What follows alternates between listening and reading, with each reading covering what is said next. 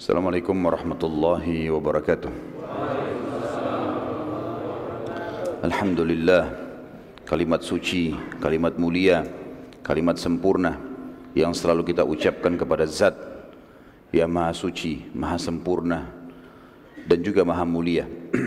Allah yang Maha Kuat dan Maha Perkasa, satu-satunya Raja, Pemilik, Pencipta dan Pengurus serta pengawas semua yang di langit dan di bumi dan tidak ada sekutu baginya dalam segala kegiatannya. Allah yang maha kuat dan maha perkasa telah menggantungkan segala kebutuhan kita dengan kalimat sederhana tetapi penuh dengan kemuliaannya itu Alhamdulillah. Maka sangat wajar kalau kita selalu mengucapkan kalimat ini. Juga kita banyakkan salam hormat kita kepada manusia terbaik, manusia yang telah dipilih oleh Sang Pencipta Allah. Diperintahkan untuk setiap manusia menjadikan manusia ini sebagai suri tauladan menciplak hidupnya bagian daripada agama yang diperintahkan oleh sang pencipta Allah.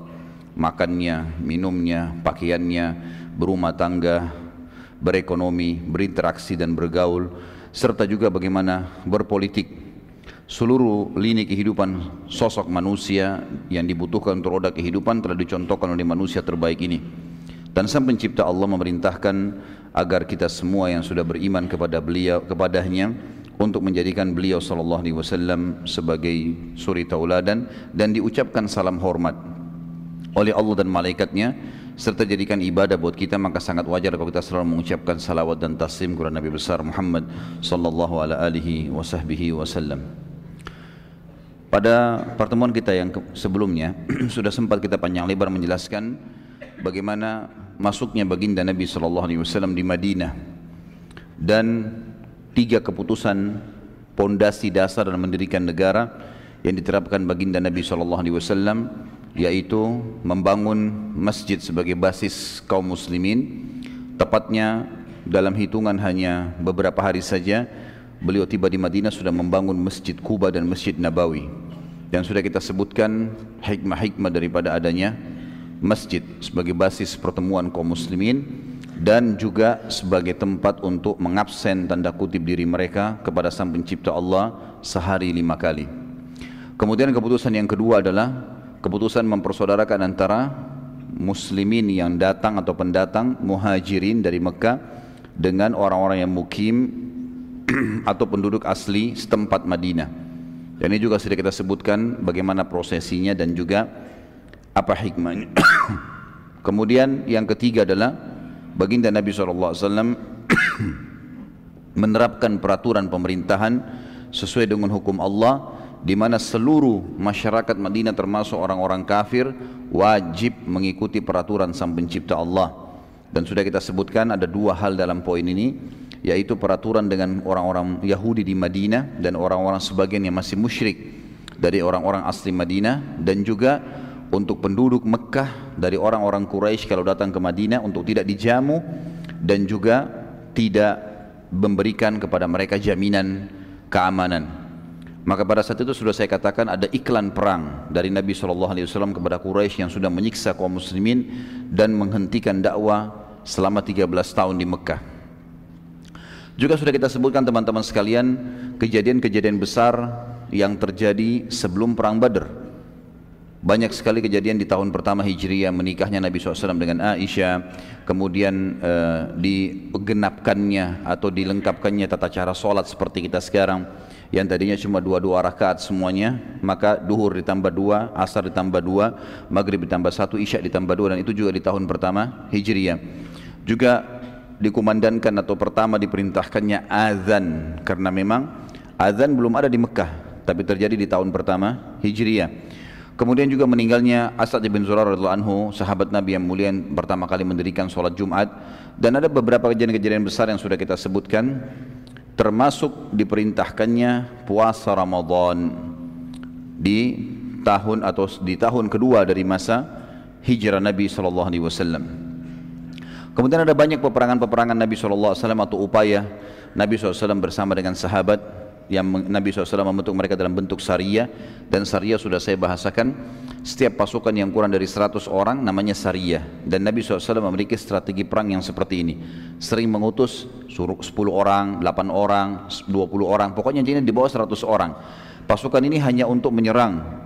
Di waktu-waktu tertentu yang diperintahkan Nabi SAW musuh walaupun jumlah mereka besar dan ini banyak sekali yang berhasil banyak sekali yang berhasil kemudian ada peperangan yang di atas 100 orang tapi beliau SAW tidak hadir namanya ma'rakah dan ada peperangan dihadiri Nabi SAW langsung di atas 100 orang namanya gazwah dan sudah kita sebutkan semua panjang lebar contoh-contoh daripada peperangan-peperangan tersebut dan terjadi sebelum perang Badr.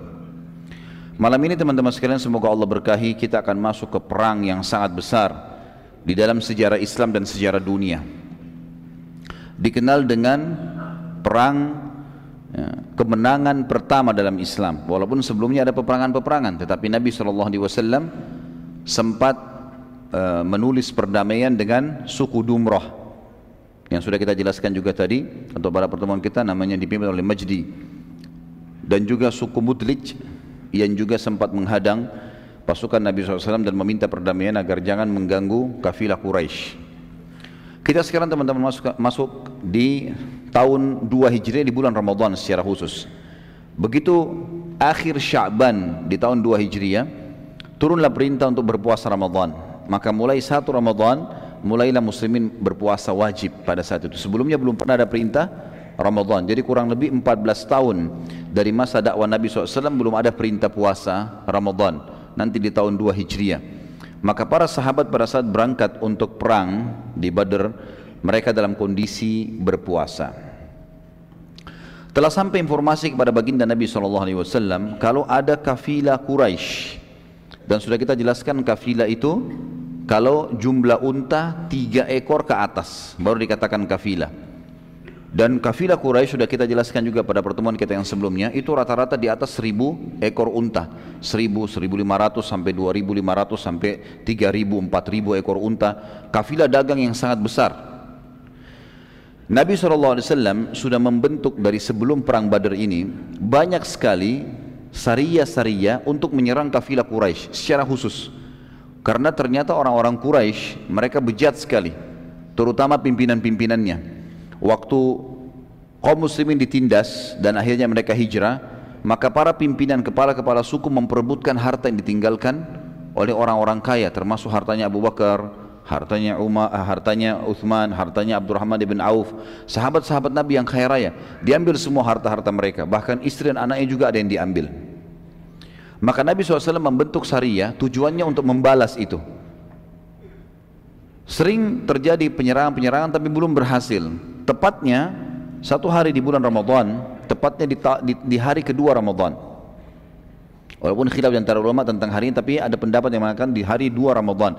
Jadi baru puasa sehari, terdapatlah informasi yang sampai kepada Nabi SAW, ternyata ada kafilah Quraisy yang sangat besar. Dari negeri Syam, di utara Jazair menuju ke Mekah dan melewati pinggir Madinah. Serta uniknya kafilah ini, Dulu-dulunya sebelumnya kafilah selalu dikawal dengan 300 prajurit, 500 prajurit. Ini hanya dikawal dengan 40 orang. Padahal jumlah kafilah yang ada, unta-unta mereka dan ke, ke harta yang mereka bawa itu lebih dari 200, 2500 ekor unta. Karena mereka anggap sebelumnya selalu berhasil, enggak pernah muslimin berhasil menyerang mereka, selalu lolos saja gitu kan. Maka mereka mereka merasa tentram dan uniknya juga kafilah ini Kebetulan sekali dengan hikmah Allah semua harta muslimin yang dirampas oleh tokoh-tokoh Quraisy itu dikumpulkan menjadi satu dipegang oleh Abu Jahal, oleh Abu Sufyan, Umayyah bin Khalaf, ya, Abu Lahab, banyak tokoh-tokoh Quraisy yang memang mengambil ini harta ini. Lalu mereka menyatukannya di dalam satu kafilah ini. Jadi kafilah ini memang secara khusus adalah kafilah hartanya muslimin yang mereka rampas di Mekah. Nabi SAW dengar dan kafilah dipimpin oleh Abu Sufyan. Waktu itu belum masuk Islam tentunya, karena masuk Islam nanti di pembebasan kota Mekah. Allah yang Maha Suci telah menentukan takdirnya pada saat itu. Menyuruh Nabi Muhammad SAW untuk keluar. Serang kafilah itu. Tetapi jangan iklankan ini sebagai sebuah peperangan.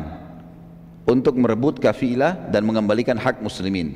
Maka diiklankannya pertama kali Sariyah atau maaf Gazwa peperangan dipimpin Nabi SAW untuk menyerang kafilah Quraisy yang digabung antara orang-orang asli Mekah Muhajir dan juga orang-orang asli Madinah Ansar Kalau masih ingat tadi saya sempat jelaskan di pertemuan kita yang sebelumnya, Saria-saria yang diutus oleh Nabi SAW selalu dari orang-orang Mekah supaya tidak ada masalah. Jangan nanti orang menilai, oh ini Muhammad sengaja menyerang untuk merampas. Padahal sebenarnya tujuannya Nabi SAW mengembalikan harta orang-orang Mekah. Tapi khusus pada saat ini diiklankan siapa yang mau ikut menyerang kafilah Quraisy termasuk orang-orang asli Madinah boleh. Maka terkumpullah bersama Nabi SAW waktu itu 313 orang. Banyak yang tidak ikut memang, jumlah masyarakat Madinah banyak, ribuan orang.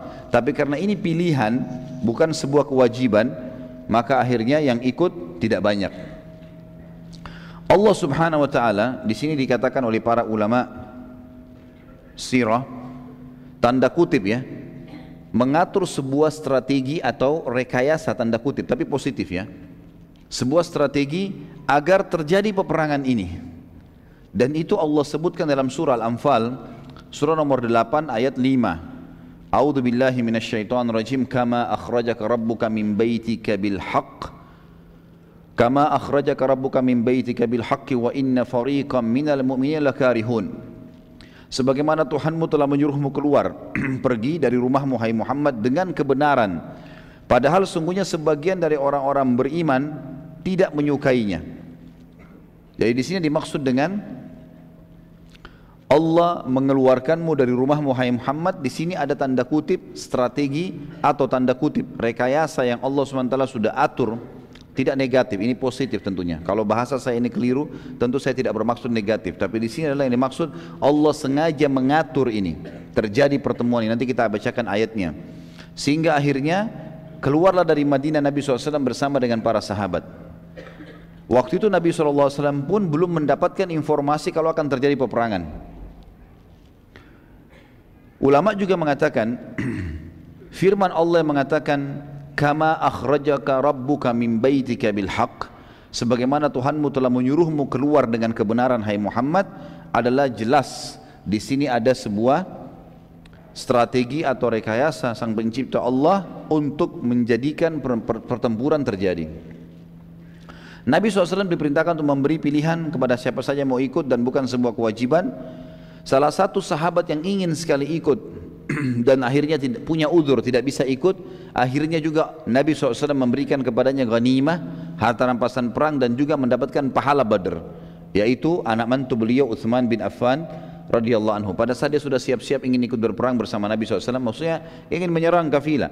Belum dikatakan peperangan pada saat itu karena peperangan nanti terjadi dengan satu hal yang Allah sudah atur.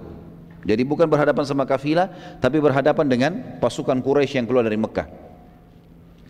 Uthman bin Affan mengalami satu keadaan pada saat dia sudah siap-siap tiba-tiba Ruqayyah radhiyallahu anha anak Nabi sallallahu alaihi wasallam yang merupakan istri dia sakit keras. Sakit keras dan Ruqayyah meninggal karena sakit itu. Maka Nabi SAW menugaskan Uthman bin Affan secara khusus untuk menjaga Ruqayyah. Jadi di sini bukan cuma karena menjaga istrinya tapi menjaga anak Nabi wasallam. Maka Uthman pun akhirnya tidak ikut, tidak ikut. Tapi nanti kita akan lihat bagaimana Nabi wasallam melibatkan Uthman bin Affan dalam pahala-pahala dan juga ghanimah. Sebelum jauh bicara masalah perang Badar teman-teman sekalian peperangan yang luar biasa pada saat itu dan kita akan lihat bagaimana luar biasanya di sini campur tangan Allah yang sangat besar kepada jumlah muslimin yang sedikit yang akan melawan pasukan Quraisy Jumlah mereka hanya 314 melawan 1000 orang pasukan Quraisy yang sangat kuat dan keluar dengan siap berperang. Tentu teman-teman sekalian kalau Sariyah atau Gazwa karena Nabi SAW sini iklankan sendiri akan keluar tapi jumlahnya cuma 300 saja persiapan mereka sederhana sekali bahkan banyak sahabat tidak pakai baju besi yang biasanya mereka pakai untuk peperangan besar banyak di antara mereka yang hanya memegang tombak banyak di antara mereka hanya membawa sebilah pedang saja. Banyak di antara mereka cuma membawa beberapa anak panah. Yang tadinya mestinya kalau peperangan minimal memiliki 100 anak panah, 150 anak panah. Tapi ini hanya beberapa anak panah, 5, 6 anak panah saja. Karena mereka anggap ini bukan peperangan, menyerang kafilah. Kafilah dijaga oleh 40 orang. Jumlah mereka 314 orang, gitu kan? Dalam pandangan pandangan mereka kalaupun berhasil maka pasti menang. Sebelum membaca panjang lebar itu atau mengetahui tentang peperangan Badar yang mulia, kita akan lihat dulu ada satu keajaiban yang terjadi yaitu mimpi Atiqah binti Abdul Muttalib. Dan ini jarang sekali orang mengetahui tentang kejadian padahal sebenarnya ini berhubungan sekali dengan perang Badr. Sebagian ulama sirah juga menyebutkan tentang riwayat ini dan riwayat ini sahih tentang mimpi Atiqah binti Abdul Muttalib adalah tante Nabi SAW. Waktu itu Atiqah belum masuk Islam. Ini bersaudara dengan Abbas juga belum masuk Islam pada saat itu Abbas nanti masuk Islam di pembebasan sebelum pembebasan kota Mekah beberapa saat. Atiqah teman-teman sekalian tiga hari sebelum terjadi perang Badar sempat mimpi di Mekah. Dan mimpinya itu membuat dia ketakutan sekali. Karena pada malam itu Atika mimpi ada seseorang yang dia lihat datang dari kejauhan kemudian naik ke atas sebuah bukit tinggi di Mekah. Kemudian orang itu teriak dengan suara keras menuju ke arah Mekah dan suara itu masuk kepada semua rumah penduduk Mekah. Yang bunyinya kurang lebih dalam terjemahan bahasa Indonesia-nya, wahai para pengkhianat, wahai para penjahat, siap-siaplah menghadapi kematian kalian dalam tiga hari lagi. Orang tersebut terus saja berteriak-teriak dalam mimpi Atika sampai dia memasuki Mekah dan keliling Ka'bah kemudian terus menteriakkan kalimat tersebut wahai para pengkhianat wahai para penjahat siap-siaplah menghadapi kematian kalian tiga hari lagi. Lalu orang tersebut kembali mendaki bukit Abi Kubais dan teriak lagi dengan suara keras. Terus begitu dia kelilingi semua tempat Mekah diteriakin. Wahai para pengkhianat wahai para penjahat siap-siaplah menghadapi kematian kalian tiga hari lagi. Lalu orang itu mengambil batu sebuah batu. Lalu batu itu dilihat oleh Atik dalam mimpi diangkat lalu dilemparkan ke arah Mekah dan batu itu tiba-tiba menjadi sebuah serpian atau menjadi serpian-serpian batu yang banyak dan menimpa semua rumah di Mekah. Gak ada yang tidak kena, semua kena rumah itu dengan batu itu. Ini mimpinya Atiqah. Dan mimpi ini disebut oleh para hadis sejarah dengan mimpi Atiqah. Judulnya begitu. Ini tante Nabi SAW. Atiqah lalu menceritakan pada saat bangun kaget dia cerita sama saudaranya Abbas bin Abdul Muttalib. Taman Nabi SAW yang pada saat itu masih dalam keadaan kafir. Abbas pun sangat ketakutan. Karena ini berarti ada akan ada peperangan. Tetapi mereka belum tahu apakah dari muslimin atau dari orang lain. Ini menandakan ini menandakan Mekah akan ditimpa kekalahan, akan hancur dan seterusnya akan sedih. Tapi belum jelas apakah dari muslimin atau orang lain. Pada saat itu Abbas pun ya, mau menceritakan takutnya nanti salah. Maka Abbas bersahabat dekat dengan satu orang namanya Al-Walid bin Utbah. Ini salah satu tokoh juga Quraisy dan Abbas memberitahukan padanya kalau Atiqah tadi malam mimpi seperti ini dan memberi pesan agar jangan diceritakan pada siapa pun. Ini mimpi, takutnya nanti dikira saya ini membuat-buat atau adik saya buat-buat. Al-Walid lalu memberitahukan ayahnya yang bernama Utbah dan memesankan agar tidak memberitahukan siapa pun. Ya. Sampai akhirnya semua penduduk Mekah tahu. Dan ini sebuah pelajaran teman-teman sekalian. Dalam pepatah bahasa Arab dikatakan, kalau engkau titip emas pada orang, pastikan tidak bertambah. Bisa berkurang, tapi kalau engkau titip kata-kata pada orang, pastikan bertambah.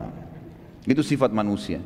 Jadi kalau antum berdiri di pinggir jembatan, lihat saja, nggak ada apa-apa, cuma kayak orang apa sih kagum lihat sesuatu, nanti orang lain datang, antum sudah pergi. Dia lihat-lihat, ada orang ketiga datang ditanya, ada apa? Kayaknya ada buaya. Yang orang pertama nggak bicara apa-apa. Pergi orang kedua, orang ketiga nih lihat cari buayanya mana. Datang orang keempat, ada apa? Ada buaya putih. Pernah dengar gak cerita buaya putih di Indonesia? Saya kaget juga lihat dengar ada buaya putih nih. Nanti orang kelima datang ada apa? Oh buaya putih, tapi di sebelahnya ada perempuan. Apalah segala macam, jadi panjang. Abbas sebenarnya radhiyallahu anhu itu belum masuk Islam ya, tidak tahu kalau berita mimpi adiknya Atika telah tersebar. Dan pada saat itu orang-orang Quraisy memang tahu kafilah terbesarnya mereka akan melewati Madinah dan selama ini sudah usaha kaum muslimin menyerang tapi tidak berhasil. Lalu kemudian saat dia tawaf di Ka'bah keesokan paginya, tiba-tiba melewati majelis Quraisy yang satu sama lain saling berbisikan, di antaranya Abu Jahal ya. orang yang merupakan musuh besarnya Islam Abu Jahal waktu itu sedang membicarakan mimpi Atiqah lalu Abu Jahal berkata kepada Abbas lagi tawaf wahai Abu Fadl, nama anaknya Fadl, anak pertamanya. Wahai ayahnya Fadl, bila engkau selesai tawaf, mampirlah ke majelis kami. Saat Abbas selesai tawaf, ia pun mampir di majelis Abu Jahal. Abu Jahal lalu bertanya, aku melihat cukup nabi yang berasal dari dari dari kalian wahai suku Abdul Muttalib. Artinya sudah ada satu orang ngaku nabi. Masa ada sekarang lagi yang mau mengaku nabi? Abu Jahal menyinggung kenapa? Karena Atika mimpi kan? Masa ada lagi Atika juga ngaku nabi? Kan sudah ada Muhammad nih. Tapi dia singgung dengan bahasa dia. Aku melihat cukup satu orang saja ngaku nabi dari kalian suku Abdul Muttalib. Abbas bertanya, apa maksudmu? Abu Jahal bilang, dulu seorang laki-laki yang bernama Muhammad, tentu kita mengatakan sallallahu alaihi wasallam, yang mengaku dapat wahyu. Sekarang ada juga perempuan mengaku dapat wahyu. Kata Abbas, apa maksudmu? Kata Abu Jahal, bagaimana dengan mimpinya Atiqah? Ini baru tadi malam diceritain, hari ini sudah sebar semua. Gara-gara titip kata-kata. Jangan ceritain orang ya. Jadi jangan antum pakai cara ini, percuma. Jangan ceritain orang pasti sampai ke mana-mana gitu. Abbas waktu itu coba memungkiri, dia mengatakan mimpi yang mana? Dia coba memungkiri, karena memang khawatir bila mimpi itu betul-betul terjadi, maka kalau mimpi itu tidak terjadi ya, maka akan tersebar di Quraisy kalau adiknya pembohong. Dan makin besar tuduhan Quraisy kalau Muhammad pembohong, ini lagi tantunya pembohong. Maka Abbas bingung pada saat itu. Abu Jahal lalu berkata, bila tiga hari berlalu dan tidak terjadi apa-apa, maka aku akan menyebarkan tulisan bahwa suku Abdul Muttalib adalah paling pembohong dari suku-suku Arab yang ada. Abbas tetap memungkiri dan masalah pada saat itu selesai dengan pernyataan Abu Jahal tadi. Sudah Abbas tinggalkan saja. Saat Abbas balik, maka para wanita Abdul Muttalib mengurumuninya dan berkata, maksudnya dari suku Muttalib, Bagaimana bisa engkau membiarkan Abu Jahal berkata semaunya tentang suku kita? Abbas akhirnya datanglah ke sana dikatakan oleh mereka, perangi dia, bunuh Abu Jahal itu. Gitu kan. Mereka panggil Abu Hakam waktu itu. Abbas akhirnya bertekad untuk menghadapi Abu Jahal bila tiga hari ia mampu memper, ia mau mempermalukan suku Muttalib. Artinya Abbas mengatakan baiklah kita lihat kalau tiga hari dia mau mempermalukan suku kita maka kita akan perangi. Saya akan lawan dia. Dari sisi lain kita sekarang tinggalkan Mekah dulu. Abu Sufyan pada saat itu lagi mimpin kafilah. Waktu dia sudah mau lewatin Madinah, dia selalu mengirim mata-mata memastikan apakah muslimin mau menyerang atau tidak, gitu kan? Nabi SAW juga pada saat itu sudah tahu ini keluar kafilah, sudah sekian akan sekian hari lagi akan melewati tempat ini. Maka beliau pun mengutus mata-mata dan mata-mata Nabi SAW ada dua orang. Satu orang yang pertama sahabat Nabi namanya Busbus bin Amr dan juga yang kedua Adi bin Abi Darda Busbus bin Amr dan Adi bin Abi Darda radhiyallahu anhuma ini diutus oleh Nabi SAW menjadi mata-mata. Kedua sahabat ini terus kedua sahabat ini mulai keluar dan mencari berita. Saat yang bersamaan Abu Sufyan juga sendiri keluar mencari informasi di lokasi yang sama.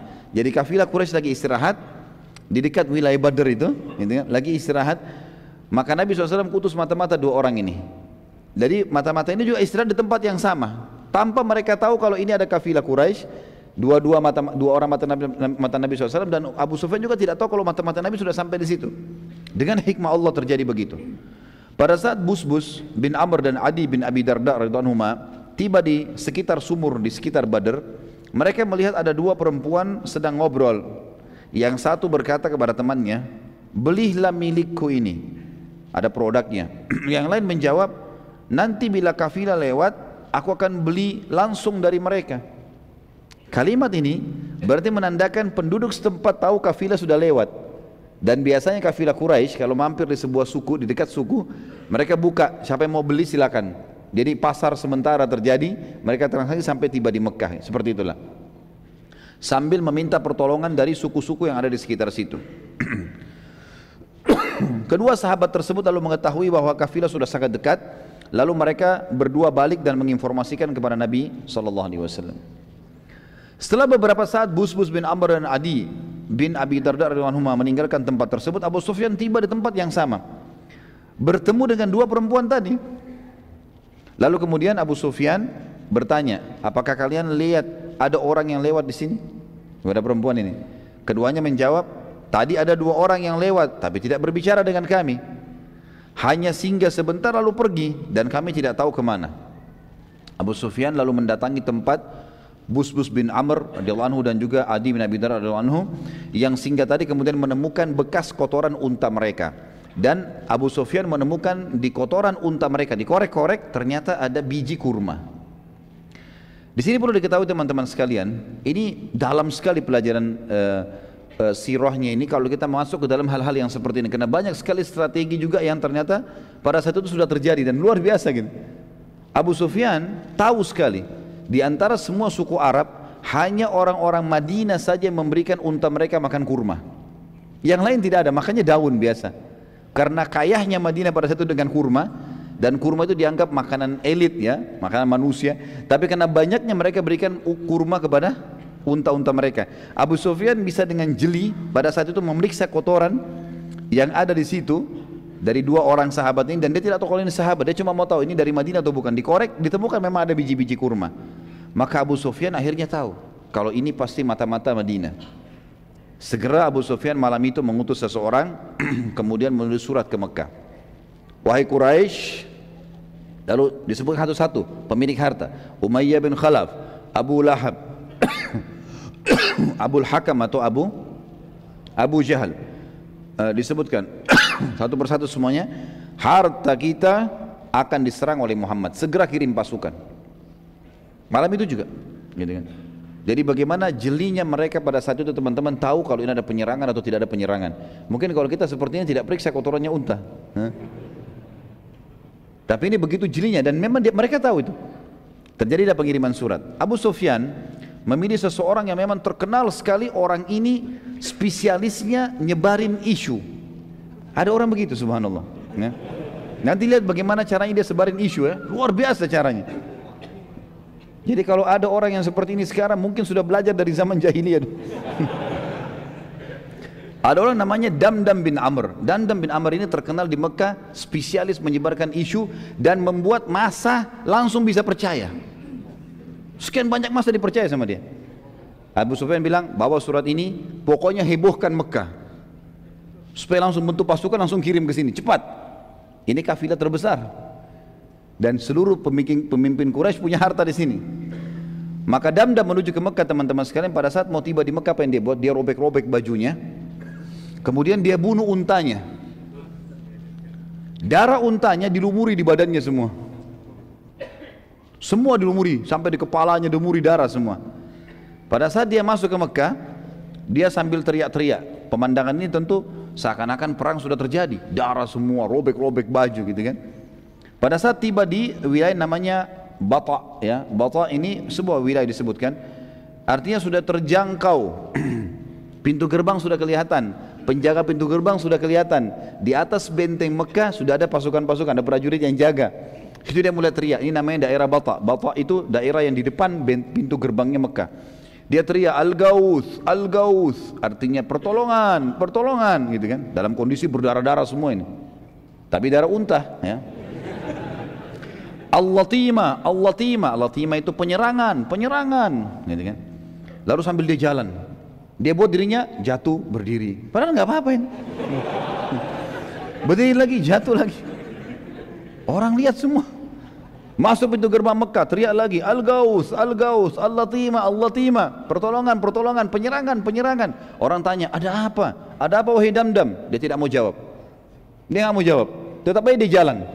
Terus dia jalan. Orang sambil dengar, dia terus teriak, Al-Gaus, Al-Gaus. Orang Mekah akhirnya kumpul, makin banyak, makin banyak, makin banyak. Sampai sudah kumpul semua. Dan dia berada pas di depannya majelisnya tokoh-tokoh Quraisy yang dikenal dengan Daruna Dua.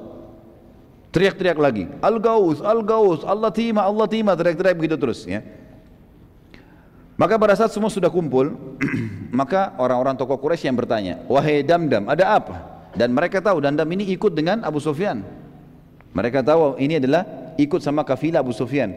Dan kebetulan Damdam pada saat itu salah satu dari 40 orang prajurit yang sedang mengawal kafilah. Kalau kalau tidak salah memang dia juga pimpinan dari 40 pengawal itu, gitu kan? Maka dia pun akhirnya teriak-teriak lalu dia mengatakan, penduduk Madinah dan Muhammad sudah menyerang Bukan dia bilang baru persiapan ya, sudah menyerang kafilah. Gitu kan? Kalau kalian tidak berusaha menolongnya secepat mungkin, maka dipastikan harta kalian habis semua. 2000 maaf 2500 atau 3000 ekor unta semuanya pasti akan habis. Maka pada saat itu teman-teman sekalian bisa dibayangkan bagaimana mahirnya Damdam ya memutar rekayasa data sampai seakan-akan terjadi sesuatu dan penduduk Mekah segera mengumpulkan pasukan. Kalau tidak menggunakan cara ini, mungkin pasukan tidak terkumpul dalam satu malam. Tapi dengan cara ini, satu malam terkumpul semua. Dan terkumpul seribu personil pada saat itu. 700 pertama, 700 personil, siap perang. Terutama musuh Islam Abu Jahal. Hmm. Abu Jahal teriak-teriak nih. Kemudian dia teriak-teriak untuk memanggil seluruh kepala suku memerang, kirim pasukan kalian. Sedikit kita selipkan kisah teman-teman, kisah tentang Abu Lahab dan Umayyah bin Khalaf di sini.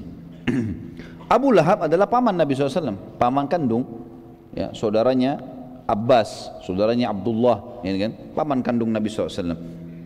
Tapi dia membenci Islam dan sudah pernah kita jelaskan ada dua paman Nabi SAW yang men, yang mencapai masa kenabian masih masih hidup dan mereka beriman itu adalah Hamzah dan Abbas majma'in. Ada dua paman Nabi yang sampai masa kenabian tapi tidak beriman. Itu adalah Abu Lahab dan Abdul Muttalib. Abu Lahab ini teman-teman sekalian pada saat dia tahu hartanya banyak di situ. Tapi karena dia merasa dia nggak perlu ikut, dia mau jaga Mekah. Khawatir terjadi nanti peperangan benar, kemudian pasukan kalah, maka ini kesempatan dia menjadi pemimpin di Mekah. Dia kebetulan pernah mengutangkan uang kepada seseorang. Dan dia berkata kepada orang itu kalau kau mau utangmu lunas maka keluarlah mewakiliku. Bilang aku mewakili Abu Lahab untuk keluar berperang. Maka orang itu pun setuju. Akhirnya orang tersebut pergi mewakili ya, Abu Lahab. Kemudian kisah yang unik adalah Umayyah bin Khalaf siapa Umayyah bin Khalaf ini teman-teman sekalian Umayyah bin Khalaf ini sahabat dekatnya Abu Jahal, sahabat dekatnya Abu Lahab, tokoh Quraisy. Ada kisah dulu dalam riwayat Bukhari disebutkan. Umayyah bin Khalaf ini bersahabat dekat dengan satu orang dari Ansar, dari asli Madinah, namanya Sa'ad bin Mu'ad radhiyallahu anhu. Ini Sa'ad bin Mu'ad pimpinan suku Khazraj, ya. Terkenal sekali yang yang pada saat dia meninggal singgasananya Allah, arsy Allah goncang Sa'ad bin Mu'ad ini bersahabat sama Umayyah bin Khalaf, sahabat dekat.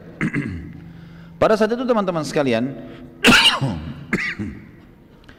Sa'ad bin Mu'ad radhiyallahu anhu pernah, ini sebelum kejadian ini ya, jauh sebelumnya, waktu muslimin sudah pada hijrah ke Madinah, di tahun pertama hijriah, beliau pernah lewat di Mekah dan ingin tawaf.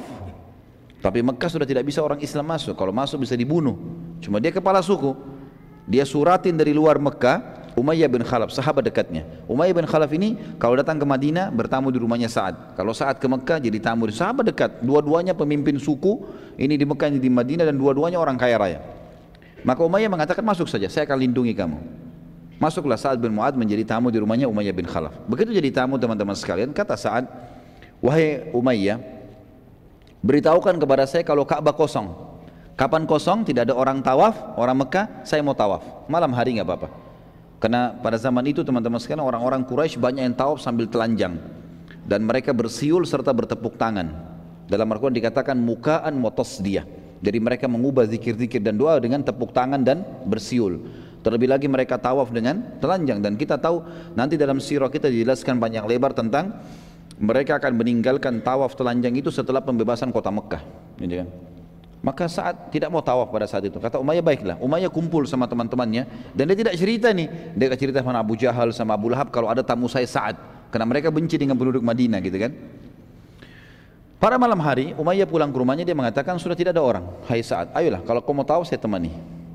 Masuklah keduanya di Ka'bah mau tawaf.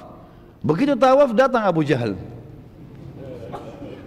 Abu Jahal tanya, wahai Umayyah, siapa yang bersama kau ini? Kata Umayyah, ini Sa'ad bin Mu'ad, pimpinan Khazraj, suku yang besar di Madinah, terkenal dengan kekuatan, kekuatan perangnya memang terkenal juga. Kata Abu Jahal, Sa'ad ibn Mu'ad, pimpinan Madinah, demi Allah kau tidak akan keluar dari Mekah hidup. Gitu. Kan. Berani benar kau masuk di sini. Gitu kan. Kata Sa'ad, wahai Abu Jahal, kalau kau berani sentuh saya, saya akan lawan kamu. Saya bukan orang biasa, kepala suku juga gitu kan. Saya akan lawan kamu. Dan kalaupun saya terbunuh, kau pikir sukuku akan tinggal diam? Mereka akan serang Mekah dan menghabisi Quraisy. Mereka mati atau Quraisy yang mati? Kata Abu Jahal demi Allah kau tidak kau tidak akan bisa. Kata saat demi Allah bisa. Gitu kan. Ribut nih, dua orang berantem mulut. Umayyah bin Khalaf di tengah-tengah.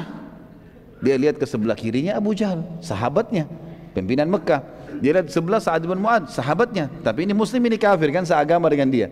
Dalam riwayat Bukhari dikatakan jiwanya Umayyah cenderung kepada Abu Jahal.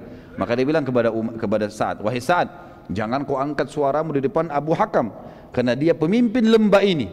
Dia raja kami gitu loh. Saat kepala suku.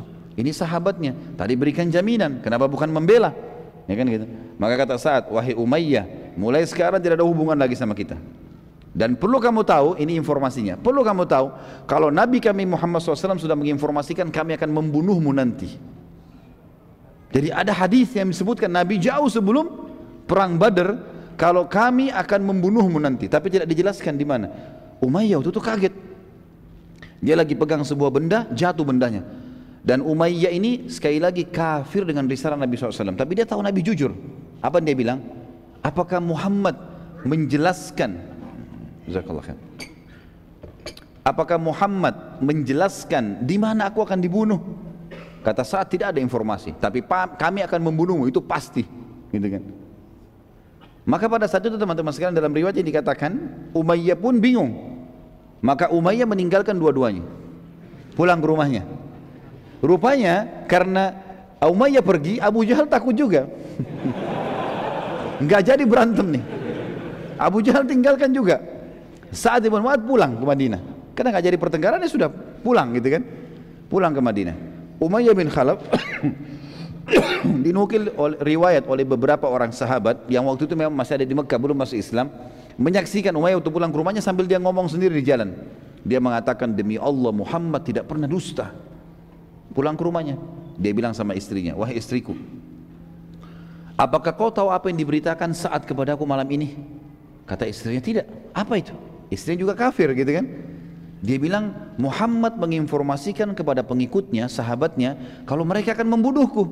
Apa kata istri Umayyah? Orang kafir nih. Demi Allah Muhammad gak pernah dusta. Ini luar biasa nih pengakuan mereka tentang kejujuran Nabi SAW. Demi Allah Muhammad gak pernah dusta. Tapi apakah ada informasi di mana kau akan dibunuh? Dia bilang saya sudah tanya kepada saat, tapi saat bilang tidak ada informasi dan tidak jelas kapan. Tapi istriku, saya pastikan pada kamu kalau saya tidak akan keluar dari Mekah. Pokoknya saya akan di sini teruslah. Saya nggak akan keluar dari Mekah. Baik. Ini teman-teman sekalian kejadian ini tiga bulan sebelum kejadian penyerangan akan terjadi penyerangan kafilah Quraisy. Jadi Umayyah bin Khalaf ini berpegang terus pada kejadian itu.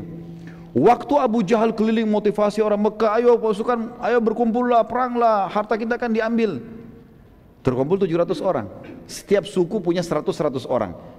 Umayyah bin Khalaf, ada tujuh suku bergabung. Umayyah bin Khalaf ini punya suku teman-teman di Mekah, pas prajuritnya paling banyak 300 orang. Umayyah duduk depan Ka'bah. Pasukannya 300 duduk depan dia. Enggak ada yang ikut nih. Abu Jahal lewat. Abu Jahal bilang, "Wahai Umayyah, kenapa kau tinggal di sini? Kenapa enggak gabung? Ayo bergerak, hartamu juga ada di situ akan diambil." Kata Umayyah apa?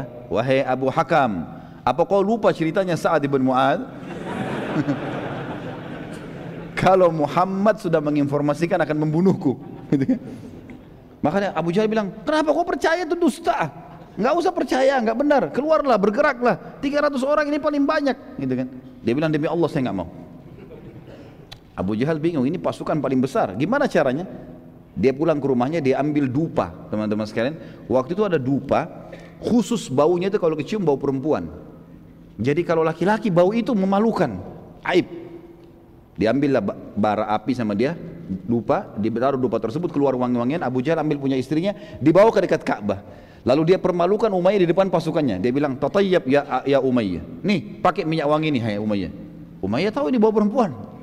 Kata Umayyah, kenapa kau kasih minyak wangi perempuan? Dia bilang, karena kau perempuan, tidak mau berperang. Maka Umayyah marah, Umayyah tepis bara api itu kemudian dia pun pulang ke rumahnya. Dia bilang sama istrinya, istriku siapkan baju perang. Kata istrinya, kenapa? Kau mau pergi? Bukankah diingatkan? Bukankah Sa'ad ibn Mu'az sudah cerita? Kalau Muhammad mempromosikan sahabatnya akan membunuhmu. Dia bilang, saya dipermalukan sama Abu Hakam. Saya akan keluar sebentar beberapa langkah, habis itu nanti saya kembali.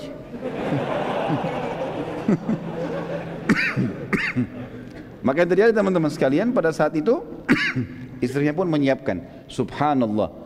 Setiap kali pasukan Quraisy yang seribu, terkumpul seribu akhirnya kan. Setiap kali istirahat menuju ke Madinah, menuju ke Badr, setiap kali istirahat Abu Jahal selalu datang pertama ke Umayyah. Wahai Umayyah, kau berdiri duluan.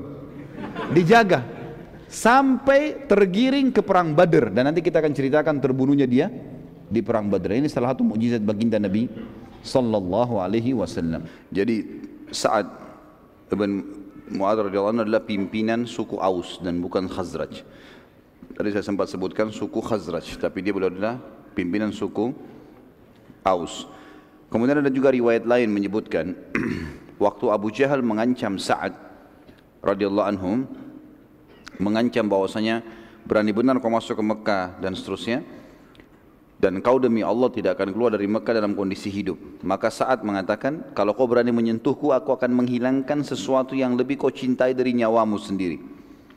Maka Abu Jahal memang dikenal orang yang sangat cinta dengan hartanya. Bahkan dia bersedia untuk mengorbankan istrinya, anaknya demi keselamatan hartanya. Dia tidak faham, dia mengatakan kepada saat, apakah kalian punya Ka'bah juga di Madinah? Sehingga bisa menyaingi kami di sini? Kata saat tidak, tapi seluruh hartamu akan dirampas oleh sukuku. Barulah pada saat itu Abu Jahal marah mengatakan kau tidak akan bisa. Kata saat saya akan bisa. Lalu mereka bertengkar murut. Lalu lanjutan riwayat sama seperti apa yang kita sebutkan tadi. Sedikit teman-teman sekalian, kita sebutkan Quraisy di Mekah juga punya masalah dengan satu suku lain namanya suku Kanana. Suku Kanana. Suatu hari ceritanya begini, ada satu dari suku Kanana membunuh seorang dari suku Quraisy. Terjadi cekcok antara satu suku Kanana membunuh satu orang dari suku Quraisy. Lalu keluarga si Quraisy menuntut dia. Tidak usah dibunuh tuh orang, tapi bayar kepada kami. Waktu itu diahnya 100 ekor unta. Kalau orang dibunuh, bayar 100 ekor. Keluarganya lebih pilih terima duit aja daripada dibunuh orang ini, dieksekusi. Maka keluarga atau orang yang membunuh tadi membayar dia 100 ekor unta. Setelah selesai itu teman-teman sekalian, biasanya sudah dianggap selesai masalah. Rupanya si pembunuh ini merasa aman dari suku Kanana, dia pun masuk ke Mekah lalu tawaf. Pada saat dia lagi tawaf, salah satu saudara orang yang terbunuh dari Quraisy melihat itu lalu kemudian datang lalu membunuh si Kanana ini. Setelah itu jasadnya digantung di Ka'bah orang yang dibunuh ini. Suku Kanan akhirnya menuntut dari Quraisy untuk menyerahkan si pembunuh tadi. Namun Quraisy menolak, maka terjadilah perseteruan di antara mereka. Tentu ini teman-teman perseteruan ini terjadi sebelum terjadi tadi kafilah Quraisy dihadang oleh Nabi SAW belum ter, belum ingin menyerang uh, Madinah tapi ini punya masalah ini. Ini ini menjadi masalah bagi Quraisy karena rupanya sebelum mau membentuk pasukan untuk menyerang Madinah untuk menyelamatkan kafilah mereka, mereka sudah punya masalah dengan Kanana dan Kanana bisa setiap saat menyerang mereka. Suku Kanana pada saat tidak mau eh, diserahkan kepada mereka pembunuh dari orang yang dari sukunya itu, maka siap-siap untuk menyerang Mekah. Hal ini menyebabkan Quraisy ragu menyerang Nabi Shallallahu Alaihi Wasallam karena jangan sampai Kanana menyerang tiba-tiba. Dan dalam sebuah riwayat Sahih disebutkan maka syaitan bisa saja iblis langsung yang menjelma menjadi manusia dan dia menjelma menjadi Suraka bin Malik al-Jush'umi. Suraka bin Malik ini adalah kepala suku Jush'um dan Jush'um adalah cabang terbesar suku Kanana. Jadi Kanana tinggal jauh dari Mekah. Jaraknya jauh. Tetapi syaitan datang menjelma dan ini sudah pernah kita sebutkan juga pada saat terjadi kasus hijrah di mana iblis menjelma lalu bergabung dengan majlis syurahnya orang-orang Quraisy yang akhirnya iblis mendukung pendapatnya Abu Jahal Masih ingat ya? Baik. Walaupun tiga orang yang jawab tidak apa-apa lah. Berarti yang lain lupa ini. Akhirnya teman-teman sekalian syaitan menjelma jadi Suraka bin Malik Al-Jushumi nanti ini masuk Islam orang ini dan Suraka bin Malik ini yang sempat mengejar Nabi SAW waktu hijrah yang akhirnya kudanya tenggelam, dia jatuh, dia dapat surat jaminan dan seterusnya. Syaitan menjelma jadi dia kemudian bergabung di majlis syurahnya Quraisy. Lalu dia berkata, tidak usah kalian ragu, aku yang memberi jaminan kalian dari suku Kanana. Kanana tidak akan menyerang kalian. Padahal ini suku Kanana sudah siap-siap memang mau menyerang gitu. Ya. Quraisy pun pada saat itu merasa tenang karena Suraka bin Malik salah satu pemimpin Kanana dan memang keputusannya di dalam suku Kanana didengar. Dan ini semua teman-teman sekalian karena syaitan tidak ingin agama Allah tersebar dan dia ingin semua yang berhubungan dengan penghancuran Islam pasti diusahakan. Sisi yang lain ini menandakan iblis dan syaitan umumnya tidak tahu yang gaib. Mereka tidak tahu kalau nanti terjadi perang Badar muslimin yang akan menang. Mereka maunya pasukan Quraisy keluar. Jadi syaitan hanya bisa berusaha dan mereka tidak tahu hal yang gaib sama sekali. Mereka berusaha menggoda kita, kalau kita tepis maka dia tidak tahu berhasil atau tidak atau akan berpengaruh tidak tidak tahu. Seperti itulah. maka akhirnya orang-orang Quraisy berhasil terpengaruh oleh pendapat syaitan tadi dan akhirnya mereka keluar dan Allah menceritakan masalah itu dalam surah Al-Anfal. Surah Al-Anfal ini banyak menceritakan tentang perang Badr. Surah nomor 8 ayat 48. أعوذ بالله من الشيطان الرجيم. وإذ زين لهم الشيطان أعمالهم وقال لا غالب لكم اليوم من الناس وإني جار لكم. فلما تراءت الفئتان نقص على عقبيه وقال إني بريء منكم إني أرى إني أرى ما لا ترون إني أخاف الله والله شديد العقاب. Dan ingatlah ketika syaitan menjadikan mereka memandang baik pekerjaan mereka dan mengatakan tidak ada seorang pun yang dapat menang terhadap kalian pada hari ini. Maksudnya tadi ini cerita tentang syaitan yang menjelma jadi Suraka bin Malik memotivasi Quraisy untuk menyerang Nabi sallallahu alaihi wasallam. Maka syaitan berkata tidak ada seorang manusia pun yang bisa menang terhadap kalian pada hari ini dan sungguhnya saya ini pelindung kalian. Maka tak kala kedua pasukan sudah berhadapan, syaitan sudah lihat ternyata pasukan muslimin ada, gitu kan, dan kuat, maka syaitan pun berkata, sesungguhnya saya berlepas diri dari kalian. Sesungguhnya saya dapat melihat apa yang kalian tidak dapat lihat dan sesungguhnya saya takut kepada Allah dan Allah sangat keras siksaannya. Kata sebagian ulama tafsir, syaitan pada saat itu hadir di perang Badar, kemudian dia melihat malaikat yang turun membantu kaum muslimin. Maka pada saat itu dia mengatakan, saya takut, saya, saya lihat apa yang kalian tidak lihat. Saya bisa lihat malaikat, kalian tidak bisa lihat malaikat. Dan saya takut kepada Allah karena Allah sangat keras siksaannya. Kalau malaikat begini sudah datang, habis nih ceritanya. Sudah pasti kalah gitu. Tapi tadinya dia yang memotivasi orang Quraisy untuk keluar. Bayangkan sini teman-teman pentingnya belajar sirah nih. Jadi ternyata ayat ini kalau kita baca dan kita tidak tahu sebab turunnya, sebab kejadian kita tidak paham nih.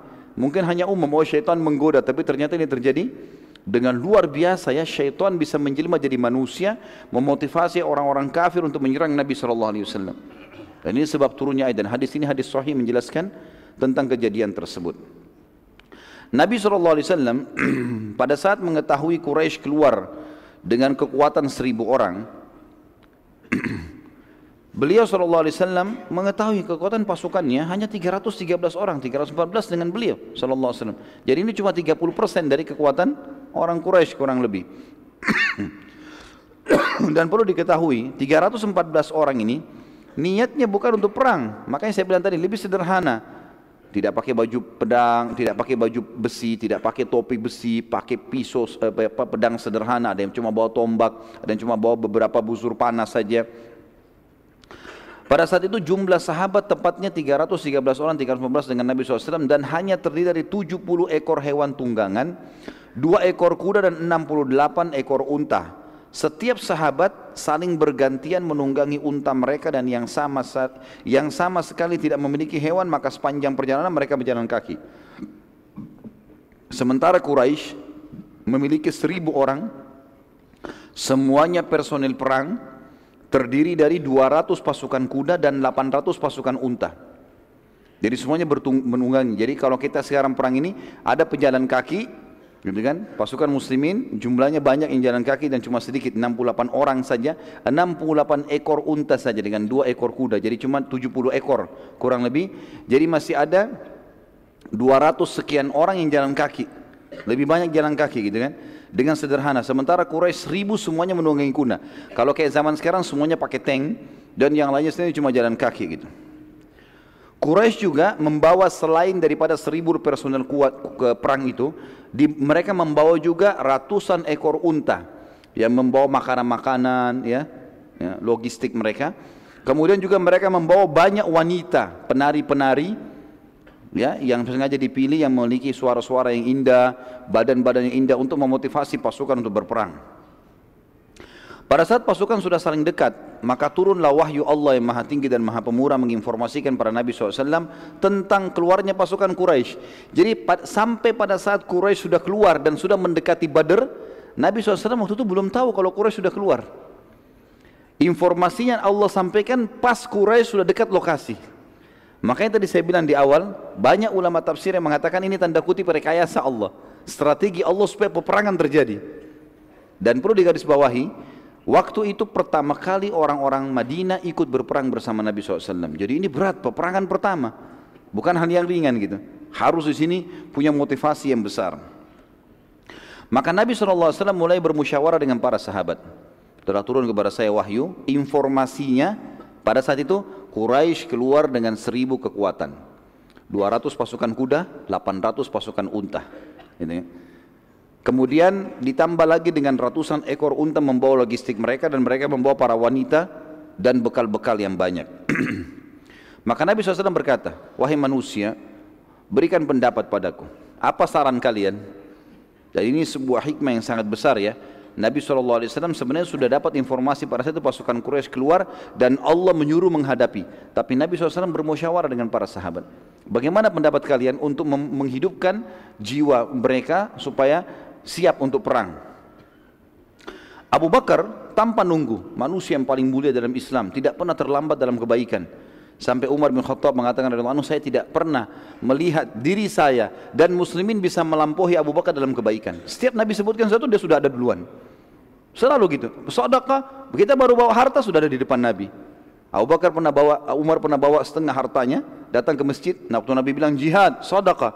Lalu dia kaget, Abu Bakar sudah ada. Padahal dia sudah bilang, Waktu Nabi bilang jihad, saya hari ini akan dahului Abu Bakar. Begitu datang ke masjid, Abu Bakar sudah ada. Lalu Umar mengatakan, pasti hari ini saudara saya lebih banyak, karena saya 50%. Seluruh harta setengahnya, setengah harta saya bawa. Lalu duduk, lalu dia tanya Abu Bakar, Hai Abu Bakar, apa yang kau berikan? Kata Abu Bakar, seluruh harta saya. Abu Bakar berdiri. Pada saat itu ya, pada saat lagi genting-gentingnya nih. Ini tunggu pendapat ini satu pendapat berpengaruh besar pada perang atau tidak. Abu Bakar mengatakan, wahai utusan Allah, lanjutkan langkah anda dan kami bersama anda. Perang, perang, pulang-pulang, kami siap. Nabi SAW berterima kasih pada Abu Bakar. Baiklah, terima kasih Abu Bakar. Nabi cuma sih bilang, berikan aku pendapat wahai manusia. Siapa lagi yang punya pendapat nih? Lalu berdiri setelahnya Umar radhiyallahu anhu. Umar berdiri mengucapkan kalimat yang sama dengan Bakar, ya Rasulullah, melangkahlah. Di mana anda mau pergi maka kami ikut. Perang-perang pulang-pulang. Nabi SAW terima kasih pada Abu Umar, lalu Umar duduk. Nabi masih ulangi, wahai manusia, berikan pendapat. Berdiri lagi sahabat Nabi yang mulia, Al-Mikdad, Ibn Amr radhiyallahu anhu terkenal. Mikdad ini teman-teman sekalian adalah orang yang luar biasa sampai dikenal kekuatannya sampai dengan seribu orang. Umar bin Khattab pun mengakui itu. Dia mengatakan, wahai Rasulullah, berbuat apa saja yang telah Tuhan anda perintahkan. Apa saja? Kami tidak akan mengucapkan kepada anda seperti yang diucapkan oleh Bani Israel kepada Musa alaihissalam. Dalam surah Al-Ma'idah, surah nomor 5 ayat 24, waktu Nabi waktu Musa alaihissalam diperintahkan Allah suruh Bani Israel itu waktu selamat dari kejaran Fir'aun serang Palestina, rebut Palestina itu. Rupanya mereka tidak mau orang-orang Yahudi. Apa kata mereka kepada Musa? Mereka berkata surah Al-Maidah surah nomor 5 ayat 24, A'udzu billahi minasyaitonir rajim. Qalu ya Musa, inna lan nadkhulaha abadan ma damu fiha, fadhhab anta wa rabbuka faqatila innaha huna qaidun. Mereka berkata, "Hai Musa." Ini termasuk sahabat-sahabat Musa ya. Berkata pada saat itu, Kami sekali-kali tidak akan memasuki Palestina selama-lamanya. Karena selama mereka ada di dalam di dalam Palestina rupanya ada orang-orang yang asli turunan Yaman, mereka postumnya kuat-kuat, tapi mereka waktu itu menyembah berhala. orang-orang Yahudi tidak mau masuk sana. Apa kata mereka? Pergilah kamu berdua dengan Tuhan Muhai Musa, perangi, kalau menang beritahukan kepada kami. Sementara kami akan tunggu di sini. Kurang ajar sekali. Apa kata Migdad radhiyallahu ya Rasulullah? Kami jalankan apa perintah Tuhan Anda dan kami tidak akan mengucapkan kepada Anda apa yang diucapkan Bani Israel untuk Musa. Tapi kami akan mengatakan pergilah Anda dengan Tuhan Anda dan perangilah mereka sementara kami akan bersama dengan kalian berdua berperang. Demi Allah, wahai utusan Allah, bila Anda membawa kami ke birakal jimat, pastikan tidak seorang pun di antara kami yang berkhianat, pasti kami akan ikut. Perlu teman-teman garis bawahi, apa sih birakal jimat? Kenapa Migdad memilih kalimat ini? Birakal Jimat teman-teman sekalian adalah sebuah tempat di wilayah Yaman antara kota Madinah dengan Birakal Jimat ini ada 14 suku semua suku jumlahnya ribuan orang jadi ada puluhan ribu orang yang membenci dan siap memerangi Islam Waktu itu jumlah mereka 300 orang saja. Apa kata Mikdad? Ya Rasulullah, kalau anda mengajak kami ke Birakal Jimat, ya, ke sana, Birakal Jimat ini tadi, dari Madinah ke sana jaraknya ada 14 suku ribuan orang semuanya benci Islam. Kami lewatin satu-satu suku itu kami perangin sampai ke lokasi itu kami siap. Seperti itu bahasa jadi luar biasa. Artinya jangan anda menyuruh kami berperang satu peperangan, 14 peperangan pun kami siap. Kalimat yang luar biasa. Kata sahabat yang merawikan hadis ini, sungguh Mikdad telah mengucapkan kalimat di perang Badar yang aku berharap aku yang mengucapkannya. Karena kalimat itu lebih aku cintai daripada humurun ni'am atau nikmat yang terbesar gitu kan. Karena kalimat ini mulia sekali. Nabi SAW masih belum puas. Beliau berterima kasih pada kita lalu mengatakan, wahai manusia, berikan pendapat. Masih kurang kalau cuma tiga orang.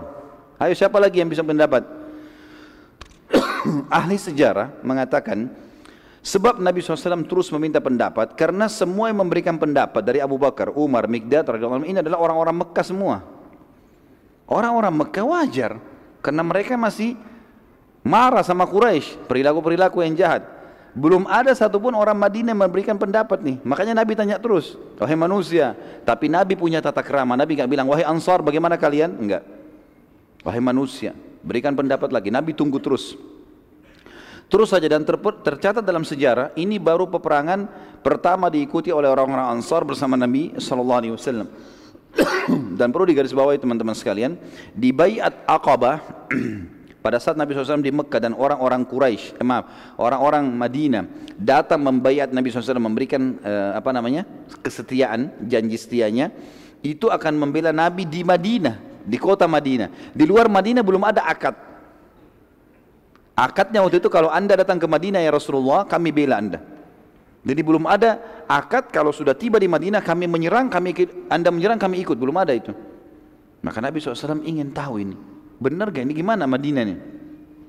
Pada saat itu teman-teman sekalian Sa'ad bin Mu'ad tadi tokoh kita yang mulia pimpinan suku Aus tadi saya keliru saya katakan Khazraj ya Beliau berdiri lalu mengatakan kami melihat ya Rasulullah seakan-akan anda menyinggung kami orang-orang Ansar Kata Nabi SAW, iya.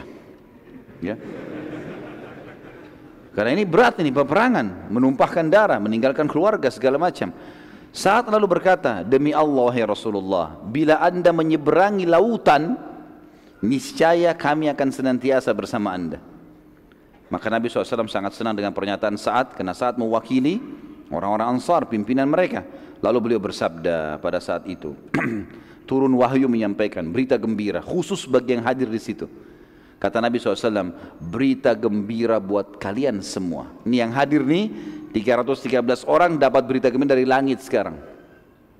Beritanya adalah sesungguhnya Allah Azza wa Jal, Allah yang maha tinggi dan maha mulia telah menjanjikan kepadaku salah satu dari dua kemenangan. Berhasil mendapatkan kafilah dan kita rebut semuanya 2500 ekor unta atau Kalaupun berhadapan sama musuh pasukan Quraisy kita akan menang walaupun jumlah mereka seribu. Maka para sahabat senang dengan berita ini, berarti berita wahyu langsung sampai dari langit. Ini pasti menang. Mau lemah, mau jumlahnya sedikit, mau tidak punya keterampilan perang, pokoknya menang. Tiketnya sudah ada. Tapi para sahabat itu yakin benar. Anda nggak tahu kalau kita yang hadir pada saat itu. Allahu alam. Dari seluruh mukminin yang patuh kepada Tuhan yang Maha Perkasa dan Rasulnya Muhammad sallallahu alaihi wasallam, Semuanya gembira tetapi tetapi ada satu hal kata eh, ulama sejarah ya. Di sini jiwa para sahabat berharap dapat kafilah. Bukan perang. Karena mereka juga berpikir kafilah cuma 40 orang yang dilawan. Ini 1000 orang. Ini penjaga kafilah biasa seperti mereka. Ini pasukan perang keluar dengan banyak bekal. Maka jiwa mereka tetap berharap supaya dapat kafilah. Mereka tidak berharap ada peperangan dan Allah ceritakan masalah itu dalam surah Anfal ayat surah nomor 8 ayat 5 A'udzu billahi rajim kama akhrajaka rabbuka min baitika bil haqq wa inna fariqam minal mu'minina lakarihun Sebagaimana Tuhanmu telah mengeluarkan Muhammad dari rumahmu dengan kebenaran, artinya tadi sudah kita bilang ada rekayasa tanda kutip Allah di sini. Dan sesungguhnya sebagian orang-orang mukmin tidak menyukainya.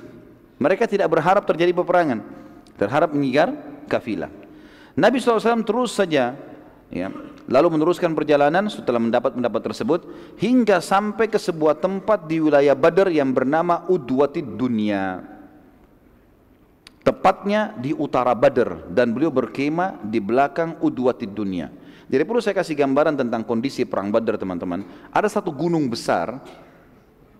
Gunung besar ini yang lebih dekat dengan Madinah namanya Udwatil Dunia. Di sebelahnya gunung itu namanya Udwatil Kuswa. Jadi dunia dan Kuswa gitu ya. Pasukan Nabi SAW tiba di Udwatil Dunia. Belum tahu ini lokasi perang di mana, tapi yang jelas sampai di situ. Lalu Nabi SAW menyuruh para sahabat untuk tinggal sejenak, istirahat. Dan itu sudah menjelang malam. Rupanya tanpa diketahui oleh Nabi SAW, pasukan Quraisy tiba di Udwatil Kuswa di seberangnya gunung. Jadi cuma batasnya gunung. Sini pasukan sini dua-duanya tidak saling tahu kalau ini sudah ada pasukan di situ. Dan yang luar biasa di sini kata ulama tafsir di sini tanda kutip tidak ada rekayasa Allah kafilahnya Abu Sufyan lolos.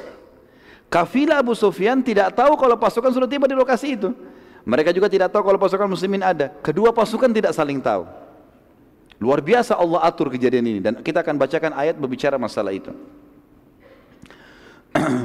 Pada saat itu teman-teman sekalian, Abu Sufyan belum tahu kalau Quraisy sudah tiba di wilayah Badar dan ia terus menyelamatkan kafilah dengan menelusuri gunung demi gunung hingga keluar dari wilayah Badar dan keluar ke pesisir Laut Merah dan berhasil selamat dari pasukan muslimin. Sesuatu yang merupakan rekayasa Allah Azza wa tanda kutip di sini, ketiga kelompok tersebut tidak satu pun saling mengetahui keberadaan masing-masing. Dan hal ini Allah ceritakan dalam Al-Qur'an dengan sangat jelas. Kembali lagi surah Al-Anfal. Surah nomor 8 ayat 42. A'udzu billahi minasyaitonir rajim. Idz antum bil udwatid dunya wa hum bil udwatil quswa war raqbu asfala minkum. Walau tawa'adtum lakhtalaftum mi'adi walakin liyaqdi Allahu amran kana maf'ulan liyahlika man halak. liyahlika man halaka an bayyinatin wa yahya man hayya an inna Allah la sami'un alim. Ingatlah pada hari ketika kamu berada di pinggir lembah yang dekat, maksudnya udwati dunia tadi lebih dekat dengan Madinah. Dan ketika mereka pasukan Quraisy berada di lembah Kuswa, lembah yang lebih jauh di sebelahnya gunung. Sementara kafilah yang sedang kalian kejar berada di bawah kalian, maksudnya sudah melampaui tempat itu, sudah berhasil lolos. Sekiranya kata Allah, kalian mengadakan perjanjian untuk pertempuran itu, pasti kalian tidak akan sependapat dalam menentukan hari pertempuran itu. Akan tetapi Allah mempertemukan dua pasukan itu agar dia Allah melakukan suatu urusan yang mesti dilaksanakan.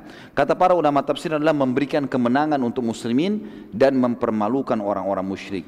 Yaitu kata Allah agar orang yang binasa itu binasa selama-lamanya tokoh-tokoh Quraisy nanti kita lihat akan banyak yang mati di perang Badar termasuk musuh Islam yang paling besar siapa? Abu Jahal. Dia akan binasa di sini nanti. Kita akan dengar kematiannya nanti. Gitu kan?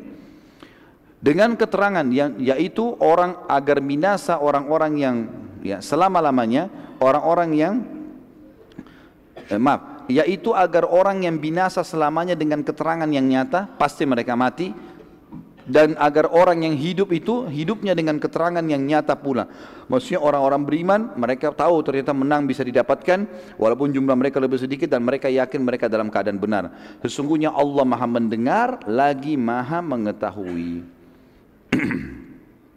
Ayat inilah teman-teman sekalian yang membuat para ulama mengatakan tadi ada rekayasa tanda kutip Allah yang maha tinggi. Karena Allah mengatakan kalau kalian janjian nggak bakal terjadi nih. Lokasi Allah yang tentukan, gitu kan pertemuan musuh Allah tentukan, kafilah Quraisy lolos Allah yang tentukan, semua sudah diatur. Dan kesimpulan sederhana kata para ulama sejarah, perang Badar telah diatur langsung oleh Allah Azza wa Jalla dari langit. Nabi SAW mengutus mata-mata untuk mengumpulkan informasi seperti biasa ikhtiar manusiawi dan perlu kita tahu Nabi SAW menggabungkan antara ikhtiar manusiawi beliau dengan wahyu yang turun. Selama wahyu belum datang beliau ikhtiar manusiawi. Jadi kan berusaha sampai wahyu datang meluruskan kalau salah atau membenarkan kalau benar. Nabi SAW mengutus beberapa mata-mata untuk mengumpulkan informasi. Saat itu terdapat dua anak muda dari pasukan Quraisy yang sedang mencari air. Lalu mereka lewat dari Udwatil Kuswa, mutar dari gunung. Mereka tidak tahu kalau ada pasukan muslimin. Lewat tengah-tengah pasukan muslimin. Mereka tidak tahu juga kalau ini pasukan. Pikirannya kemah. Orang lagi nginap malam-malam gitu. Lewat ditahan oleh pasukan muslimin. Ternyata pakai baju perang. Bahasanya bahasa orang Quraisy. Maka oleh pasukan muslimin ditangkap, ditawan. Lalu kemudian para sahabat ini dimukuli. Kalian dari mana? Kalian orang kafilah Quraisy atau dari pasukan Quraisy? Mereka bilang kami dari pasukan Quraisy. Sahabat gebukin lagi. Enggak mungkin, kok pasti kalian dari kafilah. Karena sahabat berharap ini kafilah saja yang ditemuin, bukan pasukan. Terus saya digebukin sampai mereka kena kesakitan bilang, "Iya, kami kafilah Quraisy." Begitu riwayatnya. Ini semua karena kejiwaan waktu itu masih belum pernah menghadapi peperangan dan mereka berat ini 300 orang lawan 1000 gitu kan. Nabi SAW pada saat selesai sholat subuh karena ini sudah ditawan ya langsung beliau bersabda mengatakan subhanallah maha suci Allah saat mereka jujur pada kalian kalian pukuli gitu kan. dan pada saat mereka bohong malah kalian lepaskan sekarang mereka bohong bilang kami dari kafilah ini dua orang yang dari pasukan Quraisy gitu.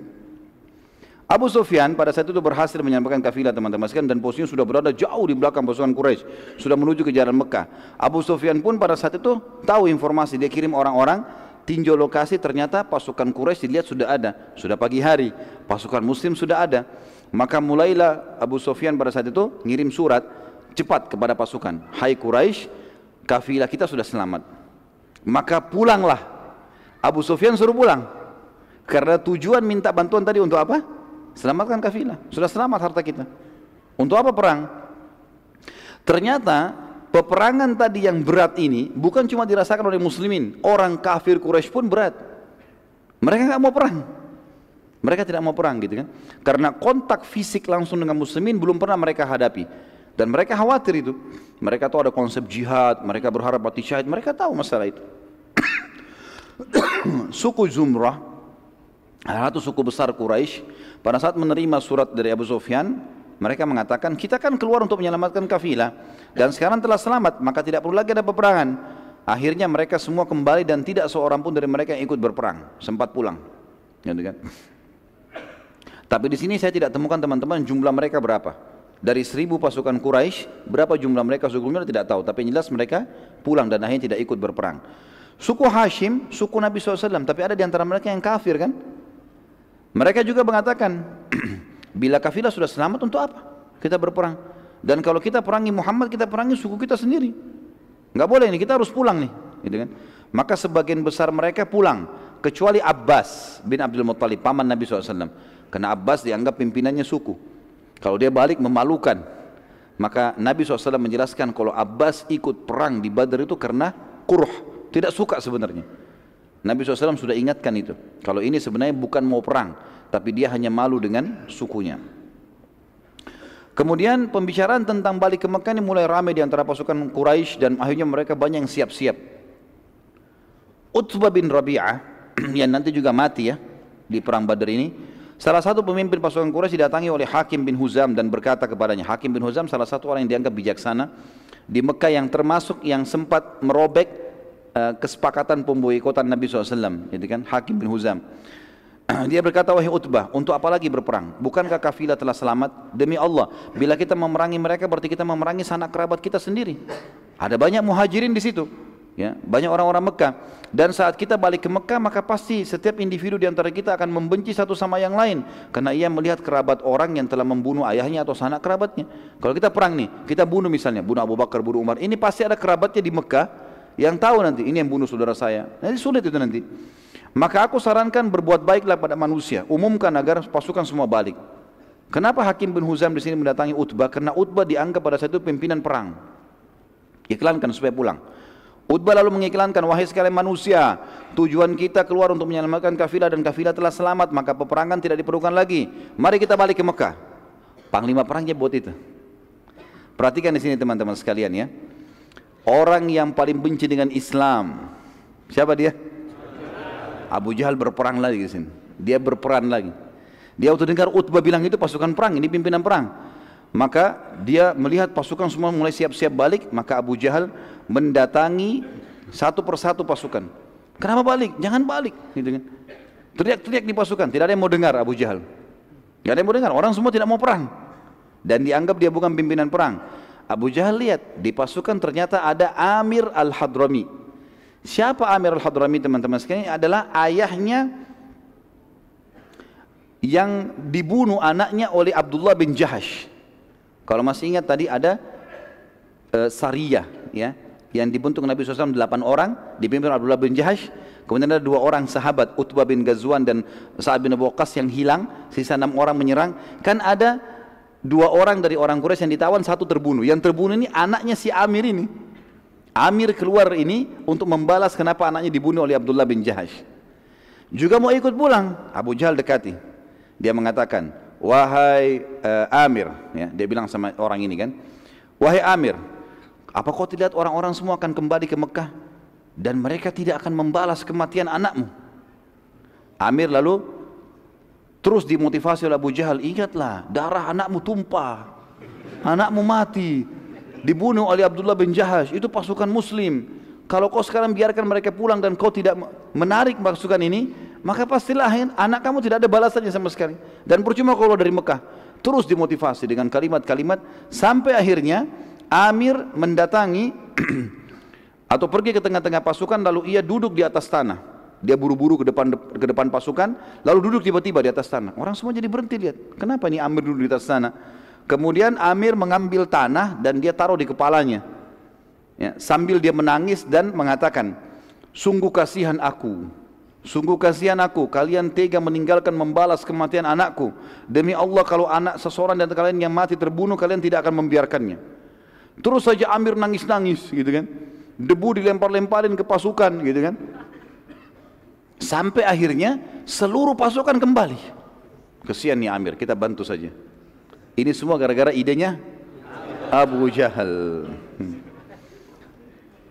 Saat itu teman-teman sekalian tidak seorang pun dari Quraisy juga muslimin saling tahu posisi satu sama yang lain tentunya tidak saling tahu kalau pasukan. Nabi SAW keluar bersama Abu Bakar berdua ini mengumpulkan informasi. Jadi dua orang pun yang ditawan oleh muslimin itu orang Quraisy tidak tahu karena jumlah mereka besar, nggak tahu kalau dua orang yang kena dua orang ini tadinya yang ditawan oleh muslimin malam hari itu, mereka cuma tidak izin, tidak izin mereka cuma keluar mau cari sumur, ketangkap lah. Jadi orang Quraisy pun tidak tahu kalau mereka ketangkap. Ya.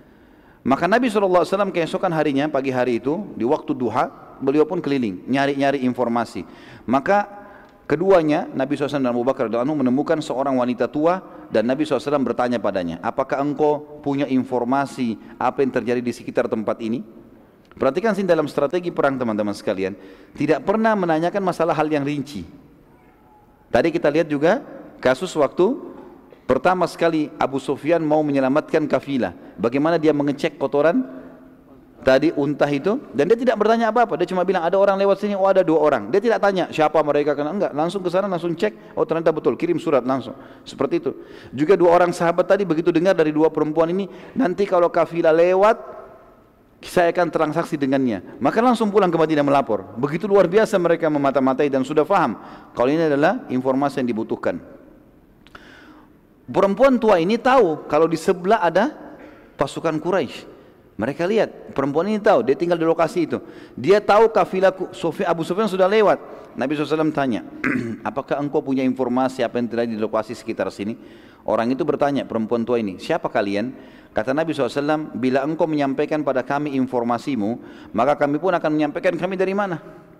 Orang itu bilang, aku telah disampaikan bahwa pasukan Quraisy sudah keluar dari hari ini dan hari itu dan sudah melewati wilayah ini dan wilayah itu. Bila itu benar, maka pastilah pasukan Quraisy sudah berada di belakang bukit ini.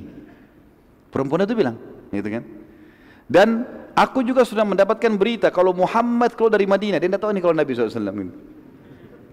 Pada hari ini dan hari itu dan sudah melewati lembahnya lembah itu. Kalau memang benar, berarti mereka semestinya sudah ada di sini. Ditunjuk di dunia, lagi ada di situ. Gitu kan? Maka Nabi SAW lalu bertanya, bagaimana dengan kafilah Abu Sufyan? Orang itu mengatakan, aku tidak tahu. Ini bagian dari kecerdasan Abu Sufyan tentunya juga di sini kata para ulama sejarah. Bukan memuji orang kafir, nanti dia masuk Islam. Tapi bagaimana Abu Sufyan itu sampai tidak tidak ada satu orang pun tahu tentang kafilahnya. Sebagian ahli sejarah mengatakan Abu Sufyan menaikkan unta-untanya di atas bukit-bukit. Enggak biasa untuk naik atas bukit, tapi dinaikkan di bukit, melewatin bukit-bukit. Jadi sana tidak, akhirnya tidak ketahuan. Orang-orang di sekitar tempat itu pun tidak tahu. Orang itu lalu bertanya, kalian dari mana? Kata Nabi SAW, kami dari air. Orang-orang Arab teman-teman sekalian, sering kali kalau mau memperkenalkan dirinya, dan suku-suku Arab itu hidup di satu lokasi kalau ada mata air di situ, dan mereka beri nama. Misal mata air apa, mata air apa. Jadi orang taunya, kamu dari mana? Kami dari mata air ini. Jadi mereka sudah tahu seperti itulah. Maka itu perempuan yang tanya, dari mana kalian? Tanya Nabi SAW. Kata Nabi SAW, dari air. Perempuan itu tanya, dari air apa? Kata Nabi SAW, air. Selesai, ditinggal. Jadi yang dimaksud oleh Nabi SAW adalah bisa kata ahli sejarah air mata air Madinah tapi tidak disebutkan atau yang dimaksud adalah kami dari sperma. Dari air kata para ulama, Nabi SAW mengatakan kami dari air manusia, selesai. Dan tidak perlu menjawab lengkap gitu kan. Kalau dijawab perempuan ini akan memberitahukan Quraisy nanti. Setelah itu Nabi SAW sudah tahu ternyata di belakang bukit ini saja sudah ada pasukan Quraisy.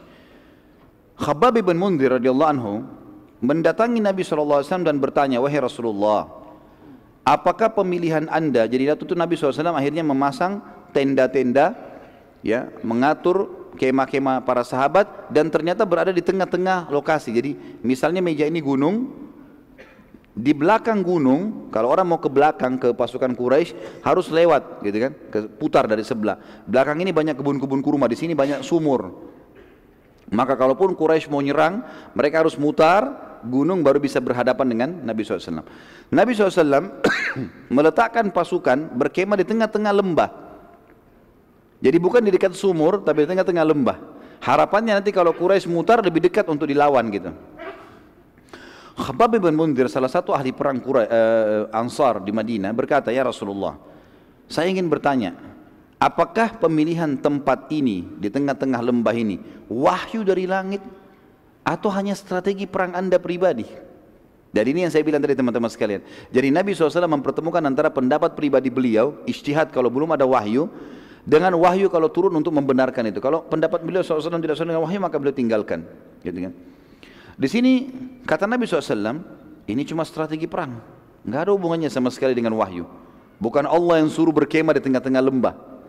Maka kata Khabbab anhu, baik. Kalau begitu Rasulullah, kami memiliki pengalaman dalam berperang dan bertahan di Madinah. Maka pendapat kami, kita tidak tepat kalau berkemah di tengah-tengah lembah ini. Yang paling baik adalah kita menuju ke belakang kebun-kebun kurma itu, di situ banyak sumur, pasukan berkemah di situ.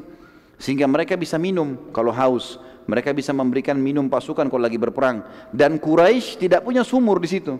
Kalau mereka pun mau minum, kalau habisan air, mereka harus mutar ke belakang pasukan muslimin. Maka Nabi SAW mengatakan pendapat yang baik. Lalu Nabi SAW mengikuti pendapat sahabat itu. Dan ini juga pelajaran teman-teman pentingnya orang bermusyawarah dan bukan aib kita memberikan masukan kepada seseorang kalau memang ada pendapat yang lebih baik dan Nabi SAW menunjukkan kebijaksanaan beliau untuk mendengar apa yang disampaikan Pada malam harinya Allah yang Maha Suci menurunkan rahmatnya untuk meringankan peperangan bagi muslimin. Allah yang Maha Suci menurunkan pasukan bantuan dari malaikat dan menurunkan hujan pada saat itu agar tanah yang ditempati kaum mukminin jadi basah. Dan yang turun kepada kaum muslimin adalah hujan gerimis. Hujan gerimis. Sehingga membuat seluruh pasukan muslimin malam itu tidur. Tertidur. Karena lembutnya air hujan halus sekali lembut gerimis maka mereka ngantuk tertidur. Jadi mereka istirahat. Dan tanah di tempat mereka pijak itu menjadi basah tapi basahnya tidak becek. Karena padang pasir teman-teman kalau terlalu kering berat untuk dijalani kita kalau jalan di padang pasir itu cepat capek berat tanahnya kering atau kalau basah sekali becek juga jadi berat maka dia harus dibasahin sedikit saja maka menjadi bagus tanahnya, mudah untuk dilewati. Allah buat seperti itu keadaan di tengah-tengah pasukan muslimin. Dikatakan di sini, atau saya tulis teman-teman sekalian, pada malam harinya Allah Maha Suci menurunkan rahmatnya untuk meringankan peperangan bagi muslimin. Allah Maha Suci menurunkan bantuan dari malaikat hadir pada malam itu, menurunkan hujan agar tanah yang ditempati kaum mukmin jadi basah dan ringan, yang mudah, yang memudahkan mereka melangkah juga mengambil air dari sumur nantinya. Karena air sumur jadi penuh karena hujan turun. Kalau tadi airnya agak dalam sulit juga ditimbah gitu. Sementara di lokasi kaum musyrikin turun hujan yang sangat lebat di sebelah gunung ini. Hujan lebat sampai becek semuanya. Becek semuanya jadi kotor, baju mereka jadi basah gitu kan. Sehingga jadi berat badannya, berat tanahnya gitu kan. Unta-unta mereka juga jadi berat, bahan-bahan yang mereka bawa semuanya jadi basah. Hujan lebat gitu. Sehingga lokasi tanah mereka becek dan membuat langkah-langkah mereka berat serta mereka jadi letih pada malam itu karena tidak bisa tidur, gitu kan. Juga membuat mukminin dengan hujan gerimis tadi menjadi mengantuk dan mengantuk ini ternyata adalah cara yang paling tepat menghilangkan rasa takut. Orang kalau takut kemudian dia ngantuk, takutnya hilang. Tidur akhirnya gitu. Ya ternyata dengan ngantuk takutnya hilang gitu. Jadi kalau teman-teman ngantuk, kalau takut ngantuk saja. Dikatakan pada saat itu beberapa orang sahabat yang bertugas pada malam itu mereka mengatakan sampai-sampai saking ngantuknya pedang di tanganku jatuh sampai tujuh kali. Dia berjaga malam. Jadi ngantuk jatuh pedang bangun lagi. Begitu terus sampai tujuh kali. Gitu kan. Allah subhanahu wa ta'ala menceritakan kejadian tersebut dalam surah Al-Anfal. Ini saya tadi katakan Al-Anfal menceritakan tentang perang Badr ini. Surah, surah nomor 8 ayat 9 sampai ayat 14. A'udzu billahi minasyaitonir rajim. Jadi buka Al-Qur'annya ya. إذ تستغيثون ربكم فاستجاب لكم an أني ممدكم بألف من الملائكة نعم إذ تستغيثون ربكم فاستجاب لكم أني ممدكم بألف من الملائكة مردفين.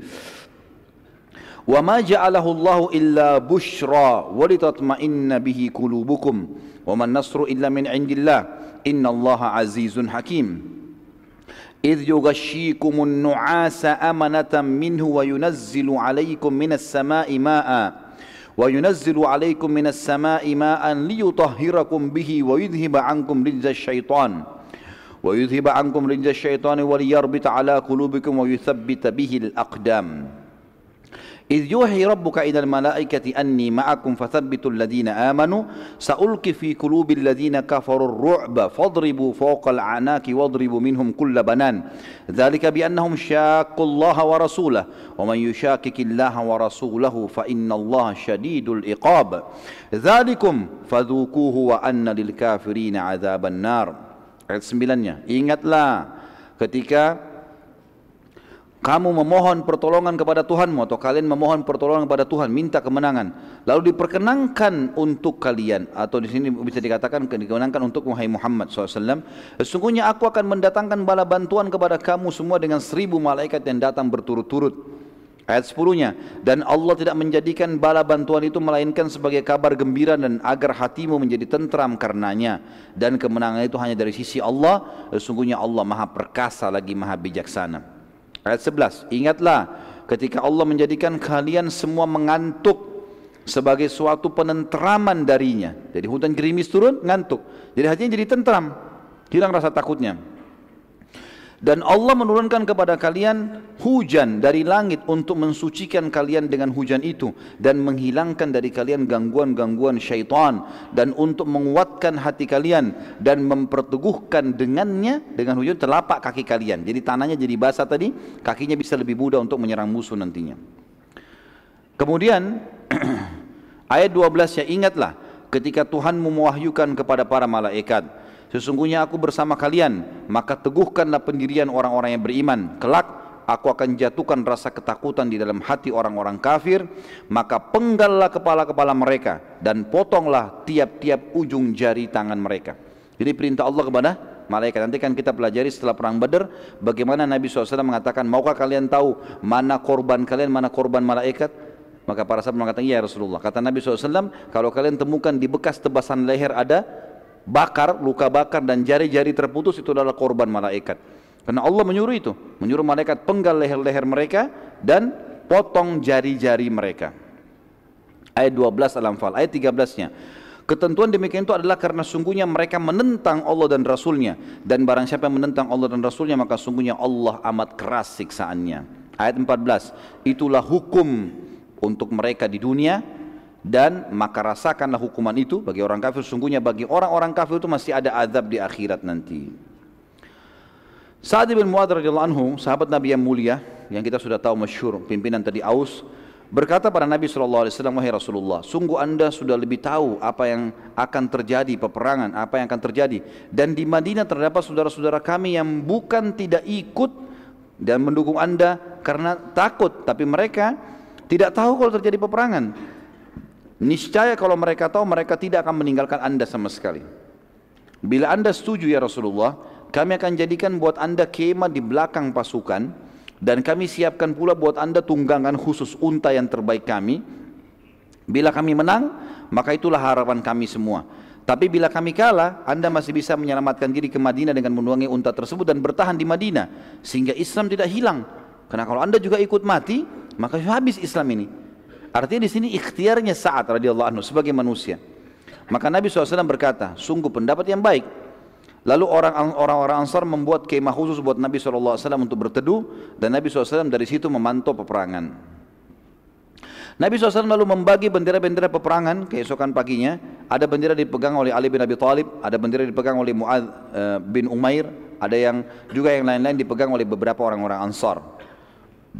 Saat tiba pasukan Quraisy mereka sempat bingung karena tidak ada air. Ya. Waktu mereka rupanya tiba di situ, mereka minum, mereka berpikir nanti di setiap lokasi bisa mampir untuk ambil air. Cari air, nggak ada air. Pasukan kehabisan air. Hujan ada tanda tapi becek jatuh ke tanah, nggak ada yang bisa diambil. Sumur adalah di, di belakang pasukan muslimin. Lalu pada saat mereka siap-siap mau perang, kondisinya lemah karena semalam tidak tidur, badan mereka basah, logistik mereka basah, air mereka kehabisan, gitu kan. Jadi banyak hal yang Allah SWT sudah persiapkan di situ. Lalu mereka uh, begitu pula muslimin sudah siap-siap perang. Saat melihat keadaan sudah akan terjadi peperangan, Nabi SAW mengangkat tangan beliau dalam kemah berdoa kepada Allah dan beliau terus berdoa agar meminta kepada Allah diberikan kemenangan. Dan Abu Bakar waktu itu bersama dengan Nabi SAW di kemah mengawal beliau. Nabi SAW lalu menutup wajah beliau SAW dengan jubahnya dan berdoa, Ya Allah, bila engkau membiarkan kekuatan ini, muslimin, musnah, maka tidak ada lagi yang tersedia di muka bumi orang yang akan menyembahmu. Lalu Nabi SAW terus berdoa, terus berdoa sambil menangis. Lalu Abu Bakar merasa iba dengan Nabi SAW mengatakannya Rasulullah, bukankah anda sudah menjadikan kemenangan? Bukankah anda adalah Rasulullah? Untuk apa kasihani diri anda? Ringankan doa anda. Sungguh Allah tidak akan menyusahkan anda. Maka Nabi SAW pun mengatakan, wahai Abu Bakar, sungguh doa itu adalah sebuah perintah. Kerjakan. Walaupun Allah sudah janji, kita ucapkan. Karena saya tidak ingin sahabat-sahabat saya jadi korban. Baik. Waktu masih ada ya? Hah? Sampai jam berapa nih? Saya lihat waktu Jakarta loh ini, jam 8 sekarang. Baik, ada beberapa kejadian luar biasa di Badar teman-teman sekalian. Beberapa kejadian besar di Badar sebelum terjadi peperangan kita bicarain, sebelum terjadi peperangan. Yang pertama, kisah sahabat yang mencium perut Nabi sallallahu alaihi wasallam. Saya tulis judulnya begitu. Pada saat selesai berdoa, sholat dan doa, Nabi SAW keluar dan mengatur saf sahabat. Nabi SAW tidak membagi-bagi pasukan tapi menyatukan mereka dalam satu tempat. Nabi nggak bagi-bagi sisi kanan, sisi kiri, tengah, belakang enggak. Pasukan sedikit, 304, 313 orang. Bahkan yang ikut cuma 312. Abu Bakar mendampingi Nabi SAW. Pasukan disatukan di satu tempat. Terdapat sebuah kejadian kecil. Waktu Nabi SAW sedang mengatur saf dengan tongkat beliau, ada seorang dari Ansar yang kebetulan sangat gemuk sampai waktu berdiri tubuhnya keluar dari saf. Maka Nabi SAW memerintahkan dia, mundurlah agar lebih rapi softnya gitu kan.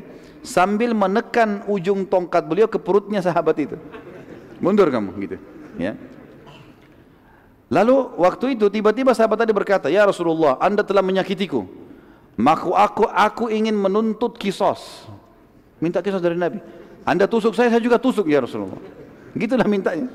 Ini medan perang dan ini sahabat. Sahabat yang lain semua dengar, langsung menghardik. Ada apa dengan kau? Ini Rasulullah. Orang ini tetap saya berkata, ya Rasulullah, hakku. Aku harus minta kisos. Maka Nabi SAW mengatakan, baiklah. Nabi itu berikan perut, kasih tongkat, ini perut saya. Kata dia, ya Rasulullah, tadi waktu anda sentuhkan, baju saya sempat terbuka sedikit. Maka kena dengan tongkat anda kulit saya. Saya juga mau begitu ya Rasulullah. Maka yang terjadi Nabi SAW bukain sedikit baju. Waktu terbuka ternyata orang ini datang langsung memeluk perut Nabi SAW lalu menciumnya. Gitu kan? Lalu kemudian Nabi SAW menanyakan, kenapa kau lakukan itu? Dia ya Rasulullah, sekarang musuh depan mata. Jelas-jelas ini antara mati atau hidup. Saya ingin sebelum saya mati yang terakhir tersentuh dengan kulit saya adalah kulit anda. Ini kejadian unik yang luar biasa. Maka Nabi SAW pun tersenyum. Tapi ini tentu satu orang, nggak mungkin orang semua buat itu ya. Pada saat itu teman-teman sekalian terjadi hal yang lain sebelum peperangan namanya mubarazah. Perang tanding. Orang-orang Arab dulu punya tradisi sebelum perang yang besar mereka perang tanding keluar jagoannya sana jagoannya sini saling duel gitu kan itu untuk memotivasi pasukan siapa yang kuat nih peperangan diawali dengan mubarazah atau perang tanding secara individu dan awal yang keluar dari pasukan Quraisy adalah Aswad bin Abi Aswad ini orang yang pertama keluar dari Quraisy, Aswad bin Nabi Aswad. Ini gampang dihafal namanya. Hitam anaknya hitam gitu ya. Ia maju depan pasukan muslimin dan bersumpah kalau ia tidak akan kembali ke pasukannya sampai ia meminum dari sumur muslimin. Kan air lagi habis. Demi Allah saya pasti akan memenangi kalian. Saya akan minum dari sumur kalian. Seperti itulah. Saat itu dari pasukan muslimin keluar Hamzah bin Abdul Muttalib. Paman Nabi SAW terkenal orang sangat luar biasa ahli perang. Lalu terjadi duel yang sangat sengit hingga akhirnya Hamzah berhasil menebas salah satu kaki Aswad dan mengucurkan darah yang sangat banyak. Saat Aswad sudah nggak berdaya lagi, ia terus berusaha merangkak sampai ke sumur muslimin. Dia merangkak, merangkak, darahnya terus menetes. Hamzah ikuti dari belakang, pasukan Quraisy melihat, dia mau menjalankan sumpahnya. Datang sampai minum dari situ. Dia berusaha mau minum terus mati, nggak sempat mati, nggak sempat minum gitu kan, terbunuh di akhirnya. Dan ini termasuk Aswad adalah korban pertama di perang Badar. Artinya orang pertama yang didaftar masuk neraka di perang Badar.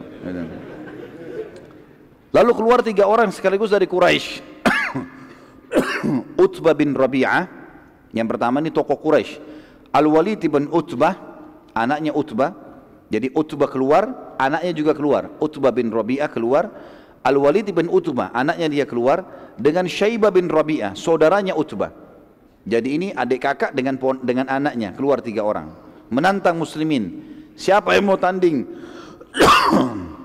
Pada saat itu keluar dari muslimin tiga orang dari Ansar.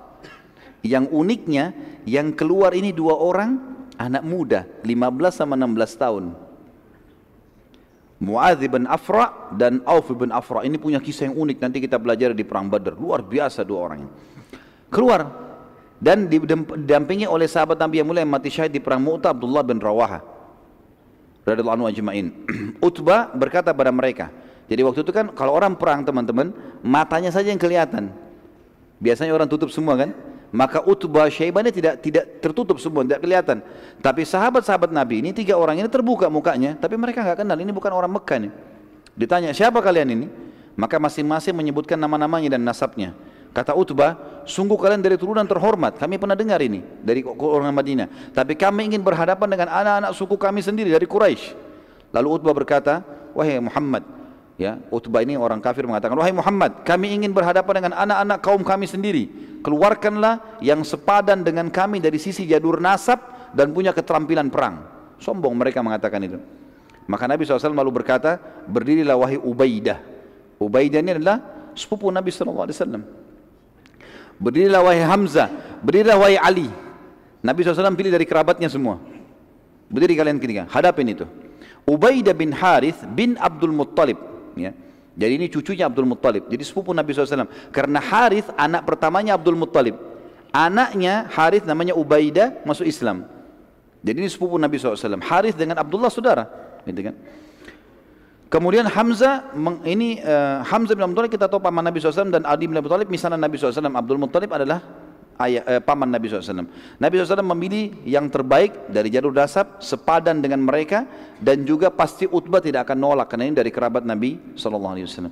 Utbah lalu berkata, siapa kalian? Maka ketiga sahabat tersebut memperkenalkan diri masing-masing. Kebetulan ketiga sahabat ini memang dipilih Nabi SAW selain dari orang Quraisy juga mereka pakai baju perang. Ali bin Abi Thalib, Hamzah dan Ubaidah ini pakai baju perang dan tinggal matanya yang kelihatan. Jadi Utbah nggak kenal nih. Siapa kalian? Tiga-tiganya pengenakan diri. Lalu pada saat itu tiga-tiganya atau uh, Utbah mengatakan kalian pantas menghadapan dengan kami. Lalu yang pertama maju Utbah melawan Ubaidah. Sepupu Nabi SAW, anaknya Harith tadi.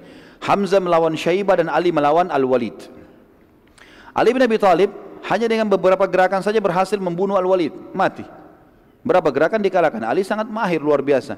Begitu juga Hamzah menyusul membunuh Syaibah dengan sangat cepat. Tertinggal sekarang Ubaidah dengan Utbah. Utbah memang kuat, Ubaidah masih muda. Tidak ada duel satu sama yang lain hingga keduanya jatuh, sempat terjatuh, gitu kan? Sama saling mukul, kemudian jatuh dua-duanya. Tapi dua-duanya belum mati. Ya. Dan sempat pada saat itu Utbah terkena sabetan pedang Ubaidah pada saat jatuh dan Ubaidah sempat menangkis terpukul saja di, di perisainya tapi si Utbah kena pedang dan akhirnya berdarah. Jatuh kakinya luka. Maka Hamzah dan Ali mendekati Utbah lalu membunuhnya. Dan mereka berdua memikul Ubadah ke pasukan muslimin. Dan selang beberapa waktu pada saat itu karena ada pukulan Utbah yang keras walaupun tertangkis di perisai rupanya terpukul ke dadanya Ubaidah dan Ubaidah pun mati syahid dan dia termasuk orang yang mati syahid di dalam perang Badar yang pertama Quraisy melihat hal tersebut tidak mau lagi tanding tiga-tiga tokohnya mati semua dengan sekejap mereka terpukul dengan itu lalu mereka siap-siap untuk menyerang Melihat kejadian tersebut Nabi SAW lalu memerintahkan suatu perintah yang pada saat itu sangat aneh bagi mereka dan unik dalam strategi perang. Nabi SAW memerintahkan pada saat itu agar seluruh pasukan muslimin duduk ke tanah. Unta-unta kuda yang ada tadi 68 ekor unta dan 2 ekor kuda disingkirkan semua ke belakang. Jadi cuma pasukan manusia saja dan mereka suruh duduk. Ini orang-orang Quraisy bingung, tidak pernah lihat seperti ini. Hmm. Mereka biasanya teman-teman sekalian cara orang Arab dulu kalau berperang, mereka menyerang nih, menyerang. Yang musuh itu punya kewajiban bertahan. Tangkis serangan itu. Habis itu mereka kembali, mereka lagi yang bertahan, ini lagi yang menyerang. Cuma begitu cara perangnya, cara dulu begitu. Maka mereka bingung, ini strategi apa nih? Kenapa kok dulu di bawah gitu? Bagaimana cara diserangnya?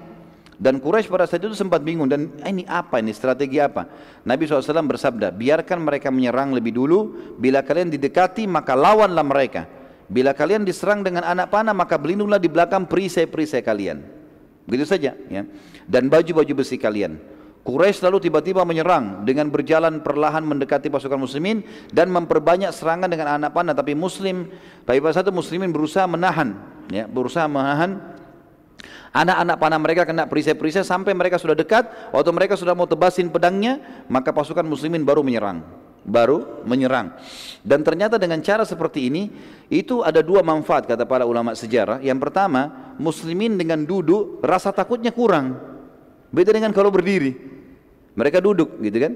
Kemudian yang kedua, mereka pada saat menangkis serangan-serangan musuh itu akan memberikan motivasi ke mereka ternyata kita tidak terbunuh nih. Dan dari sekian banyak 300 orang pasukan yang kena pada saat itu mati cuma satu orang. Sementara pasukan Quraisy banyak yang terbunuh. Yang terbunuh adalah Ubaidah. Ini adalah salah satu budak Umar bin Khattab yang terkena panahnya panahnya Quraisy ada kisah yang lain teman-teman kisah Haritha bin Suraka radhiyallahu anhu ada sebuah anak panah yang tidak jelas dari mana arahnya di pasukan muslimin karena pada saat Quraisy lempar panah ada juga di antara muslimin dari belakang lempar panah Ada satu orang namanya Haritha bin Suraka. Ini kena panah dan tidak jelas orang ini mati di kendak panahnya orang Islam atau panahnya orang Quraisy. Dan ini perlu teman-teman kita ketahui. Uh, saya jelaskan saja karena ini terjadi pada saat itu. Setelah perang Badar, ibunya Harith datang kepada Nabi SAW lalu mengatakan ya Rasulullah dalam hadis Bukhari, Anda sudah tahu bagaimana Harith punya kedudukan di sisi saya. Saya dengar informasi dia terbunuh di Badar waktu Nabi sudah pulang dari Badar sudah menang. Maka beritahukan kepada saya di mana Haritha? Mati syahid ke masuk surga atau dia sekarang tidak jelas kena panahnya muslim mungkin dia masuk neraka. Kata Nabi SAW, wahai ibunya Haritha, sungguh kau telah kehilangan informasi. Anakmu Haritha mati syahid dan sekarang dia berada di surga Firdaus yang tertinggi. Kisah yang lain kuasa Umair bin Hammam radhiyallahu anhu bin Hubab ya. Saat pasukan Quraisy mulai menyerang, Nabi SAW memerintahkan sahabat. Jadi waktu sudah menyerang, mereka diserang oleh muslimin, mereka mundur. Atur lagi strategi mau menyerang muslimin. Waktu mau menyerang yang kedua kali, Nabi SAW kembali mau mengatur pasukan. Jadi begitu zaman dulu mereka masih bisa mengatur strategi perang. Diatur perang. Lalu Nabi SAW memerintahkan sahabat untuk menyerang pada saat itu terlebih dahulu. Maka para sahabat berusaha menyerang pada saat itu.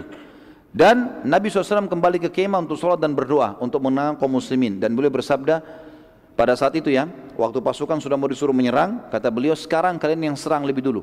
Jangan tunggu lagi dengan duduk, ini serangan yang kedua. Tapi ingatlah, ada pesan penting, ada wahyu datang. Dalam hadis Bukhari Muslim kata Nabi SAW, demi Allah, tidak seorang pun dari kalian terbunuh di sini dalam peperangan ini. Sekarang kalian nyerang nih, terbunuh kecuali pasti masuk surga yang luasnya seluas langit dan bumi. Salah satu sahabat Nabi yang bernama Umair bin Hammam radhiyallahu anhu berkata, lagi pegang kurma berapa butir dia mengatakan bakhin bakhin ya Rasulullah. Indah sekali ini ya Rasulullah. Indah sekali. Ulangi ya Rasulullah. Kata Nabi SAW, demi Allah, wahai Umair, disebut namanya dia. Tidak seorang pun dari kalian terbunuh dalam peperangan ini kecuali ia pasti masuk surga. Yang luasnya seluas langit dan bumi. Umair bilang lagi, bakhin, bakhin ya Rasulullah. Indah sekali ini. Orang Arab bisa mengatakan kalau itu bakhin, bakhin gitu kan. Maka Nabi SAW mengatakan, kenapa engkau katakan itu? Kata Umair, ya Rasulullah, aku hanya tinggal menghadapi orang-orang ini, Quraisy. Dan aku terbunuh ditusuk oleh mereka. Lalu masuk surga, seluas langit dan bumi. Kata Nabi SAW, iya. Kata Umair, itulah sebabnya saya mengatakan bakhin ya Rasulullah. Maka Nabi SAW mengatakan, siap-siap, takbir, seranglah. Begitu Nabi SAW takbir, sahabat takbir, serang. Umair ini pegang ada kurma dua butir di tangannya. Pasukan lagi menyerang. Dia bilang di dalam riwayat Bukhari, demi Allah, bila aku harus menunggu menghabiskan kurma ini masih lama. Innalah hayatun tawila. Dilempar butiran tersebut lalu dia masuk menyerang sampai dia terbunuh mati syahid. Kemudian ada kisah yang lain teman-teman sekalian Waktu itu terjadi peperangan kecamuk, turunnya malaikat. Nabi SAW lalu kembali ke kemah dan peperangan pun berkecamuk. Sementara Nabi SAW berdoa, tiba-tiba saja beliau ngantuk, berat dan tertidur. Sekejap. Itu sekejap, ya. Abu Bakar melihat Nabi SAW lagi peperangan kecamuk ini. Nabi tadinya serius melihat. Dan pada saat itu tiba-tiba beliau terkaget. Baru beberapa saat, beberapa detik kalau kita sekarang terbangun. Lalu beliau tersenyum. Dan Abu Bakar pun bertanya, wahai Rasulullah, kenapa anda tersenyum? Kata Nabi SAW, bergembiralah wahai Abu Bakar. Abu Bakar berkata, apa berita gembira itu ya Rasulullah? Abu Bakar bertanya, apa berita gembira itu ya Rasulullah? Kata Nabi SAW, ini Jibril telah datang dengan menunggangi kuda putih dan bersamanya seribu malaikat. Quraisy jumlahnya seribu kurang. Ya, sekarang malaikat datang, kalau malaikat saja lawan sudah cukup, gitu kan? Belum pernah teman-teman sekalian kata ahli sejarah, malaikat terlibat dalam peperangan kecuali perang Badar. Ini pendapat yang paling kuat. Peperangan yang lainnya Allah SWT tidak turunkan lagi bantuan malaikat. Tapi mereka hadir menyaksikan iya.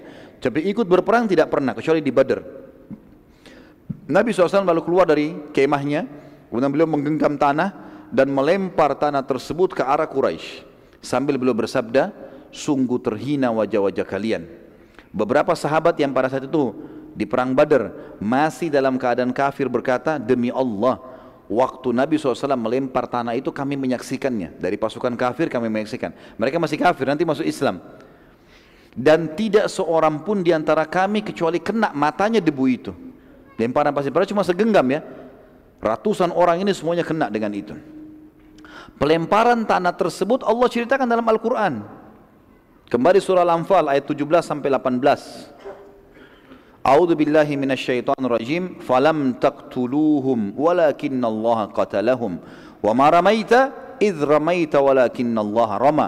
وليبلي المؤمنين منه بلاء حسنا إن الله سميع عليم ذلكم وأن الله موهن كيد الكافرين maka yang sebenarnya adalah bukan kamu yang membunuh mereka hai Muhammad bukan pasukan yang membunuh orang-orang Quraisy. Akan tapi Allah lah yang telah membunuh mereka. Dan bukan kamu yang melempar pada saat kau sedang melempar tapi Allah lah yang telah melempar tanah itu sehingga menyebar ke mata pasukan Quraisy. Allah berbuat demikian untuk membinasakan mereka dan untuk memberi kemenangan kepada orang-orang mukmin dengan kemenangan yang sempurna. Sesungguhnya Allah Maha mendengar lagi Maha mengetahui. Itu ayat 17. Ayat 18-nya itulah karunia Allah yang dilimpahkan kepada kalian dan sungguhnya Allah melemahkan tipu daya orang-orang kafir. Allah Subhanahu wa taala juga menceritakan teman-teman sekalian tentang kejadian ini dalam surah Al-Anfal ayat 9 dan ayat 10 ya. A'udzu billahi minasyaitonir tentang kedatangan malaikat yang seribu itu ya. إذ تستغيثون ربكم فاستجاب لكم أني ممدكم بألف من الملائكة مردفين وما جعله الله إلا بشرى ولتطمئن به قلوبكم وما النصر إلا من عند الله إن الله عزيز حكيم ingatlah ketika kamu memohon hai Muhammad kepada Tuhanmu pertolongan lalu Allah perkenankan bagimu sesungguhnya aku akan mendatangkan bala bantuan kepada kamu hai Muhammad dan pasukanmu seribu malaikat yang turun atau datang berturut-turut maksudnya bersamaan.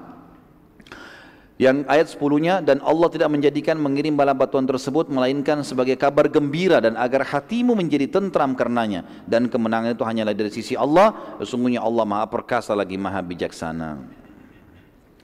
Kita masuk ke yang lain teman-teman kisah Hudzaifah ibn Yaman radhiyallahu anhu. Ini kalau kita mau ikutin sampai subuh loh nggak selesai. Hmm. Ini panjang kisahnya. Nabi SAW memerintahkan agar muslimin tidak membunuh Abul Bukhturi karena ia yang telah membatalkan pemboikotan terhadap Nabi SAW dan Bani Hashim juga Bani Muttalib.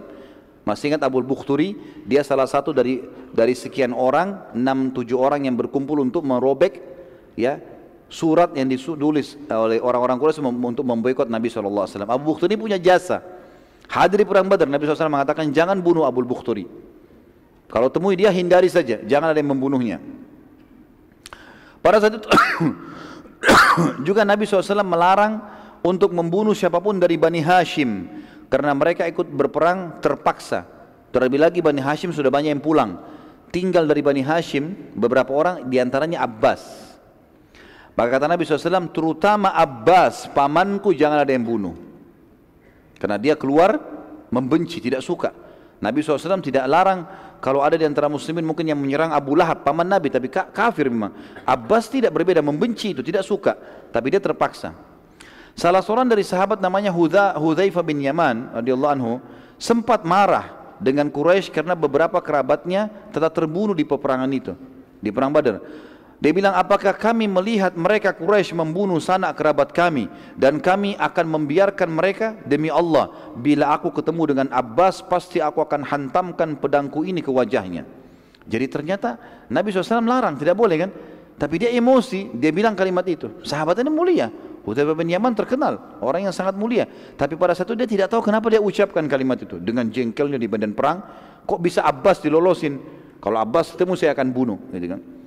Nabi SAW saat mendengar perkataan Hudzaifah berkata kepada Umar bin Khattab sedang berada di samping Nabi SAW wahai Umar apakah engkau akan membiarkan paman nabimu dibunuh?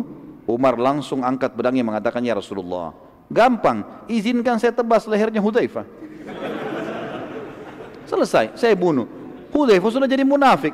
Anda larang bunuh dia bilang bunuh gitu kan? Maka kata Nabi SAW jangan biarkan saja dia.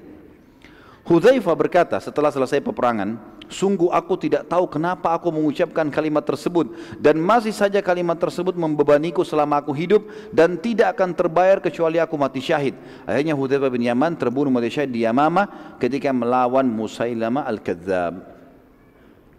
Ketika peperangan sedang berkecabut teman-teman sekalian, Abu Bukhturi dengan salah satu temannya sempat dilihat oleh beberapa sahabat dan salah satu dari sahabat yang bernama Mujadzir radhiyallahu anhu Mujadzir ini teman-teman sekalian berkata pada Abu Bukhturi, sesungguhnya Nabi kami telah melarang kami membunuhmu. Abu Bukhturi bilang, bagaimana dengan sahabatku ini? Ada teman di sebelahnya. Kata para sahabat, kami tidak dilarang membunuhnya. Ya, cuma kamu saja sendiri. Abu Bukhturi bilang, aku tidak akan membiarkan sahabatku kalian bunuh. Mujadzir lalu berusaha menyerang sahabat Abu Bukhturi, tapi Abu Bukhturi terus menghalangi dan akhirnya Mujadzir ya tidak sengaja melayangkan pedangnya dan uh, akhirnya Abu Bukhturi menyerang Mujadzir dengan pedang. Pada saat diserang dia menangkis kemudian dia menyerang. Tidak sengaja kepada Abu Bukhturi dan Abu Bukhturi akhirnya terbunuh. Pada saat itu Nabi SAW sudah dipesan jangan bunuh Abu Bukhturi. Apa pun alasannya hindari. Tidak usah mau bunuh temannya sama temannya pun ditinggalkan. Mestinya begitu perintah Nabi SAW Mujadir segera menghadap diri kepada Nabi SAW dan berkata demi Allah ya Rasulullah aku tidak mau membunuhnya tapi ia terus menyerangku hingga aku aku harus membela diri dan akhirnya membunuhnya terus saja Mujadir meminta ridho Nabi SAW sampai Nabi SAW memaafkannya dan kita renung di sini teman-teman bagaimana para sahabat sangat menjaga perintah dan juga larangan Nabi sallallahu alaihi wasallam. Lanjut lagi enggak ini? Subuh loh ini. Kisah Zubair bin Awam radhiyallahu anhu. Salah satu prajurit Quraisy yang terkenal dan sangat kuat namanya Ibnu Zatu Kabsh. Ibnu Zatu Kabsh ini teman-teman sekalian disebutkan dalam riwayat badannya besar, kekar, kudanya juga besar, dari kepalanya sampai kaki kudanya semua besi. Orang ini luar biasa Ibnu Zatu Kabsh dan dia satu-satunya pasukan Quraisy yang punya pegangan pedangnya besi sepanjang lengannya. Kemudian di ujung itu pedang lagi sepanjang dua kali lengannya. Jadi besar sekali, gitu kan? Dan dia mengganggu muslimin pada saat itu. Tebas sana, tebas sini, jarak jauh dia sudah kenakin orang semuanya. Jadi banyak luka di antara muslimin dan banyak jadi korban. Salah satu sahabat datang kepada Nabi SAW mengatakan, Ya Rasulullah, pergi ke kemah mengatakan, Ya Rasulullah, Ibnu Zatu Kabsh menyusahkan kami ini. Luka sana, luka sini, banyak korban. Dan dia berusaha menembus, ingin sampai ke kemah Nabi SAW. Maka Nabi SAW panggil Zubair bin Awam, anhu. Ini terkenal dengan sepupu Nabi. Ya, ibunya adalah Sofia, Sofia tante Nabi SAW. Pada saat itu tergolong prajurit muslim pilihan yang memiliki kelihan dan dalam berperang dan juga berkata, ya. Dan Nabi SAW berkata padanya selesaikan urusan kami wahai Zubair. Dan ini termasuk strategi perang teman-teman sekalian. Berikan semua pekerjaan pada ahlinya. Jangan semua orang ditugaskan tugas yang sama tidak. Ada yang ahli perang tanding ya dia maju. Ada yang ahli strategi memanah di tempat panah ya. Ada yang menunggang kuda dia dia harus masing-masing pada tempatnya. Di sini Nabi SAW tidak pilih sembarangan sahabat dipilih Zubair. Zubair memang jeli di antara kejelian Zubair, dia sangat cepat menebaskan pedang dan sangat jeli pada saat melemparkan tombak. Kalau sasarannya di titik A, di titik itu kena. Jadi tepat sekali orangnya. Zubair berkata, aku pun lalu mendekati Ibnu Qabsh mencari mana ini? Poinnya di mana nih supaya dia bisa kena gitu. Maka keliling dia bilang, saya kelilingi Ibnu Qabsh dan saya tidak temukan celah. Matanya saja semua besi. Di tombak pun bisa tombaknya terpental. Karena zaman dulu mereka meletakkan di bawah besi itu ada semacam kalau kita karet sekarang, tapi dari kulit hewan. Sehingga kulit baru baju besi. Jadi nggak bisa mental gitu kan. Maka kata Zubair anu, pada saat aku sedang berhadapan dengannya, aku melihat celah itu hanya dua matanya dan di antaranya. Maka aku pun berdiri di atas kudaku, lalu aku melempar tombak sehingga menembus di antara dua matanya dan tembus di kepalanya bagian belakang. Matilah Ibnu Abu Kabsh dan pada saat dia mati, pada saat itu pasukan Quraisy sempat terpukul karena ini orang terkuatnya. Dan bagaimana Zubair naik di atas kuda kan kelihatan. Orang-orang pada lihat. Dan dia melempar dengan sangat jeli sehingga menembus di antara dua matanya. Artinya kalau kena bagian kepala segala ini mungkin masih bisa mental. Tapi di sini bagaimana kejelian Zubair radhiyallahu anhu. Dan ini teman-teman sekalian tentu tidak bisa kita lanjutkan semuanya karena cukup panjang bahasan. Dan ini masih banyak yang akan kita sampaikan berhubungan dengan masalah uh, peperangan ini. Dan insya Allah kita akan lanjutkan lagi pada pertemuan kita akan datang karena masih panjang. Masih ada peperangan-peperangan, masih ada korban-korban, kisah unik bagaimana terbunuhnya Abu Jahal, bagaimana Umayyah bin Khalaf terbunuh, panjang lebar cerita masa ini dan juga pelajaran yang diambil dari perang Badar sendiri. Lalu kemudian bagaimana keadaan Mekah pada saat Badar dikalahkan orang-orang Quraisy dan bagaimana keadaan Madinah pada saat juga pasukan muslimin telah menang. Allahu alam. Mungkin sampai sini tentu teman-teman sekalian. Ini pakai pertanyaan atau besok aja? Baik. Karena melihat waktu teman-teman sekalian sudah setengah 10 malam, insya Allah besok kalau ada yang punya pertanyaan bisa disampaikan di subuh hari. Karena kita masih dalam tema yang sama, Anda bertanya kami menjawab. Insya Allah kita akan jawab sesuai dengan apa yang saya ketahui tentunya. Mungkin begitu saja kita berdoa kepada Allah SWT semoga bahasan kita hari ini bermanfaat buat kita semua dan dijadikan sebagai tambahan amal kita pada hari kiamat. Dan juga semoga saja Allah Subhanahu wa taala memaafkan semua kesalahan kita dengan kemahamurahnya dan menggantikan menjadi pahala. Dan kita mendoakan agar seluruh wilayah di Indonesia dari jajaran pemerintahan sampai masyarakat umumnya agar semuanya kembali kepada Islam dan Al-Qur'an dan Sunnah. Dan semoga Indonesia menjadi contoh bagi negara-negara yang lain. Dan kita mendoakan agar Jakarta diberikan pemimpin yang adil yang muslim kembali kepada Al-Quran dan Sunnah dan jangan sampai muslim dibimbing oleh orang-orang yang malah memerangi Islam dan kita mendoakan saudara kita di Palestina, di Syria, di Yaman, di Irak, di Myanmar, di Ahsa, mereka berada sedang terlintas, semoga Allah ikhlaskan niat mereka, terima para syuhada mereka, mulakan Islam di tangan mereka dan tangan kita, tangan kita semua dan semoga Allah partisipasikan kita bersama mereka di pahala, baik dengan doa, harta juga dengan jiwa kita. Dan semoga Allah dengan kemahamurahannya menyatukan kita semua di surga firdausnya tanpa hisab, sebagaimana disatukan kita di majlis ilmu yang mulia ini. Tentu teman-teman sekalian sebelum kafaratul majlis saya mengingatkan kembali untuk teman-teman kembali kepada pengajian kami di YouTube dengan cara sistematis. Sistematis artinya ikutin perkajian. Hari Senin bisa bahas masalah minhajil muslim misalnya. Hari Selasa bisa kembali kepada bulughul maram kalau mau belajar fikih. Minhajil muslim banyak bicara masalah akidah. Hari Rabu bisa belajar sirah misalnya, mengikutinya. Hari Kamis bisa belajar mahkota pengantin masalah rumah tangga. Hari Jumat bisa belajar misalnya masalah hadis ada Riyadhus Shalihin dan hadis qudsi. Ada dua bahasan kitab. Hari selanjutnya bisa dibahas masalah al-kabair dosa-dosa besar. Selanjutnya lagi hari Ahadnya Sabtu tadi dosa-dosa besar hari Ahadnya bisa dibahas masalah nawakidul iman atau pembatal keislaman. Jadi sistematis. Teman-teman jangan cuma ketik Khalid Basalama apa yang muncul lalu didengar. Ini sayang. Manfaat insya Allah tapi sayang. Tidak sistematis. Harapan saya adalah bagaimana kitab yang kami bedah itu bisa tuntas bisa tuntas. Dan insya Allah berita yang lain adalah sirah ini kita akan terbitkan insya Allah dalam beberapa jilid dan mungkin 3 sampai 4 jilid. Berikut uh, kami usahakan insya Allah kalau Allah mudahkan mungkin kalau ada yang bisa ditangkap dengan foto misalnya lokasi perang Uhud, lokasi perang Badr bisa ditangkap dengan foto kami akan letakkan nanti dalam bukunya supaya lebih jelas insya Allah dan beberapa strategi peperangan Nabi SAW dengan anak-anak panas sehingga bisa jelas oh seperti ini peperangannya dan seterusnya.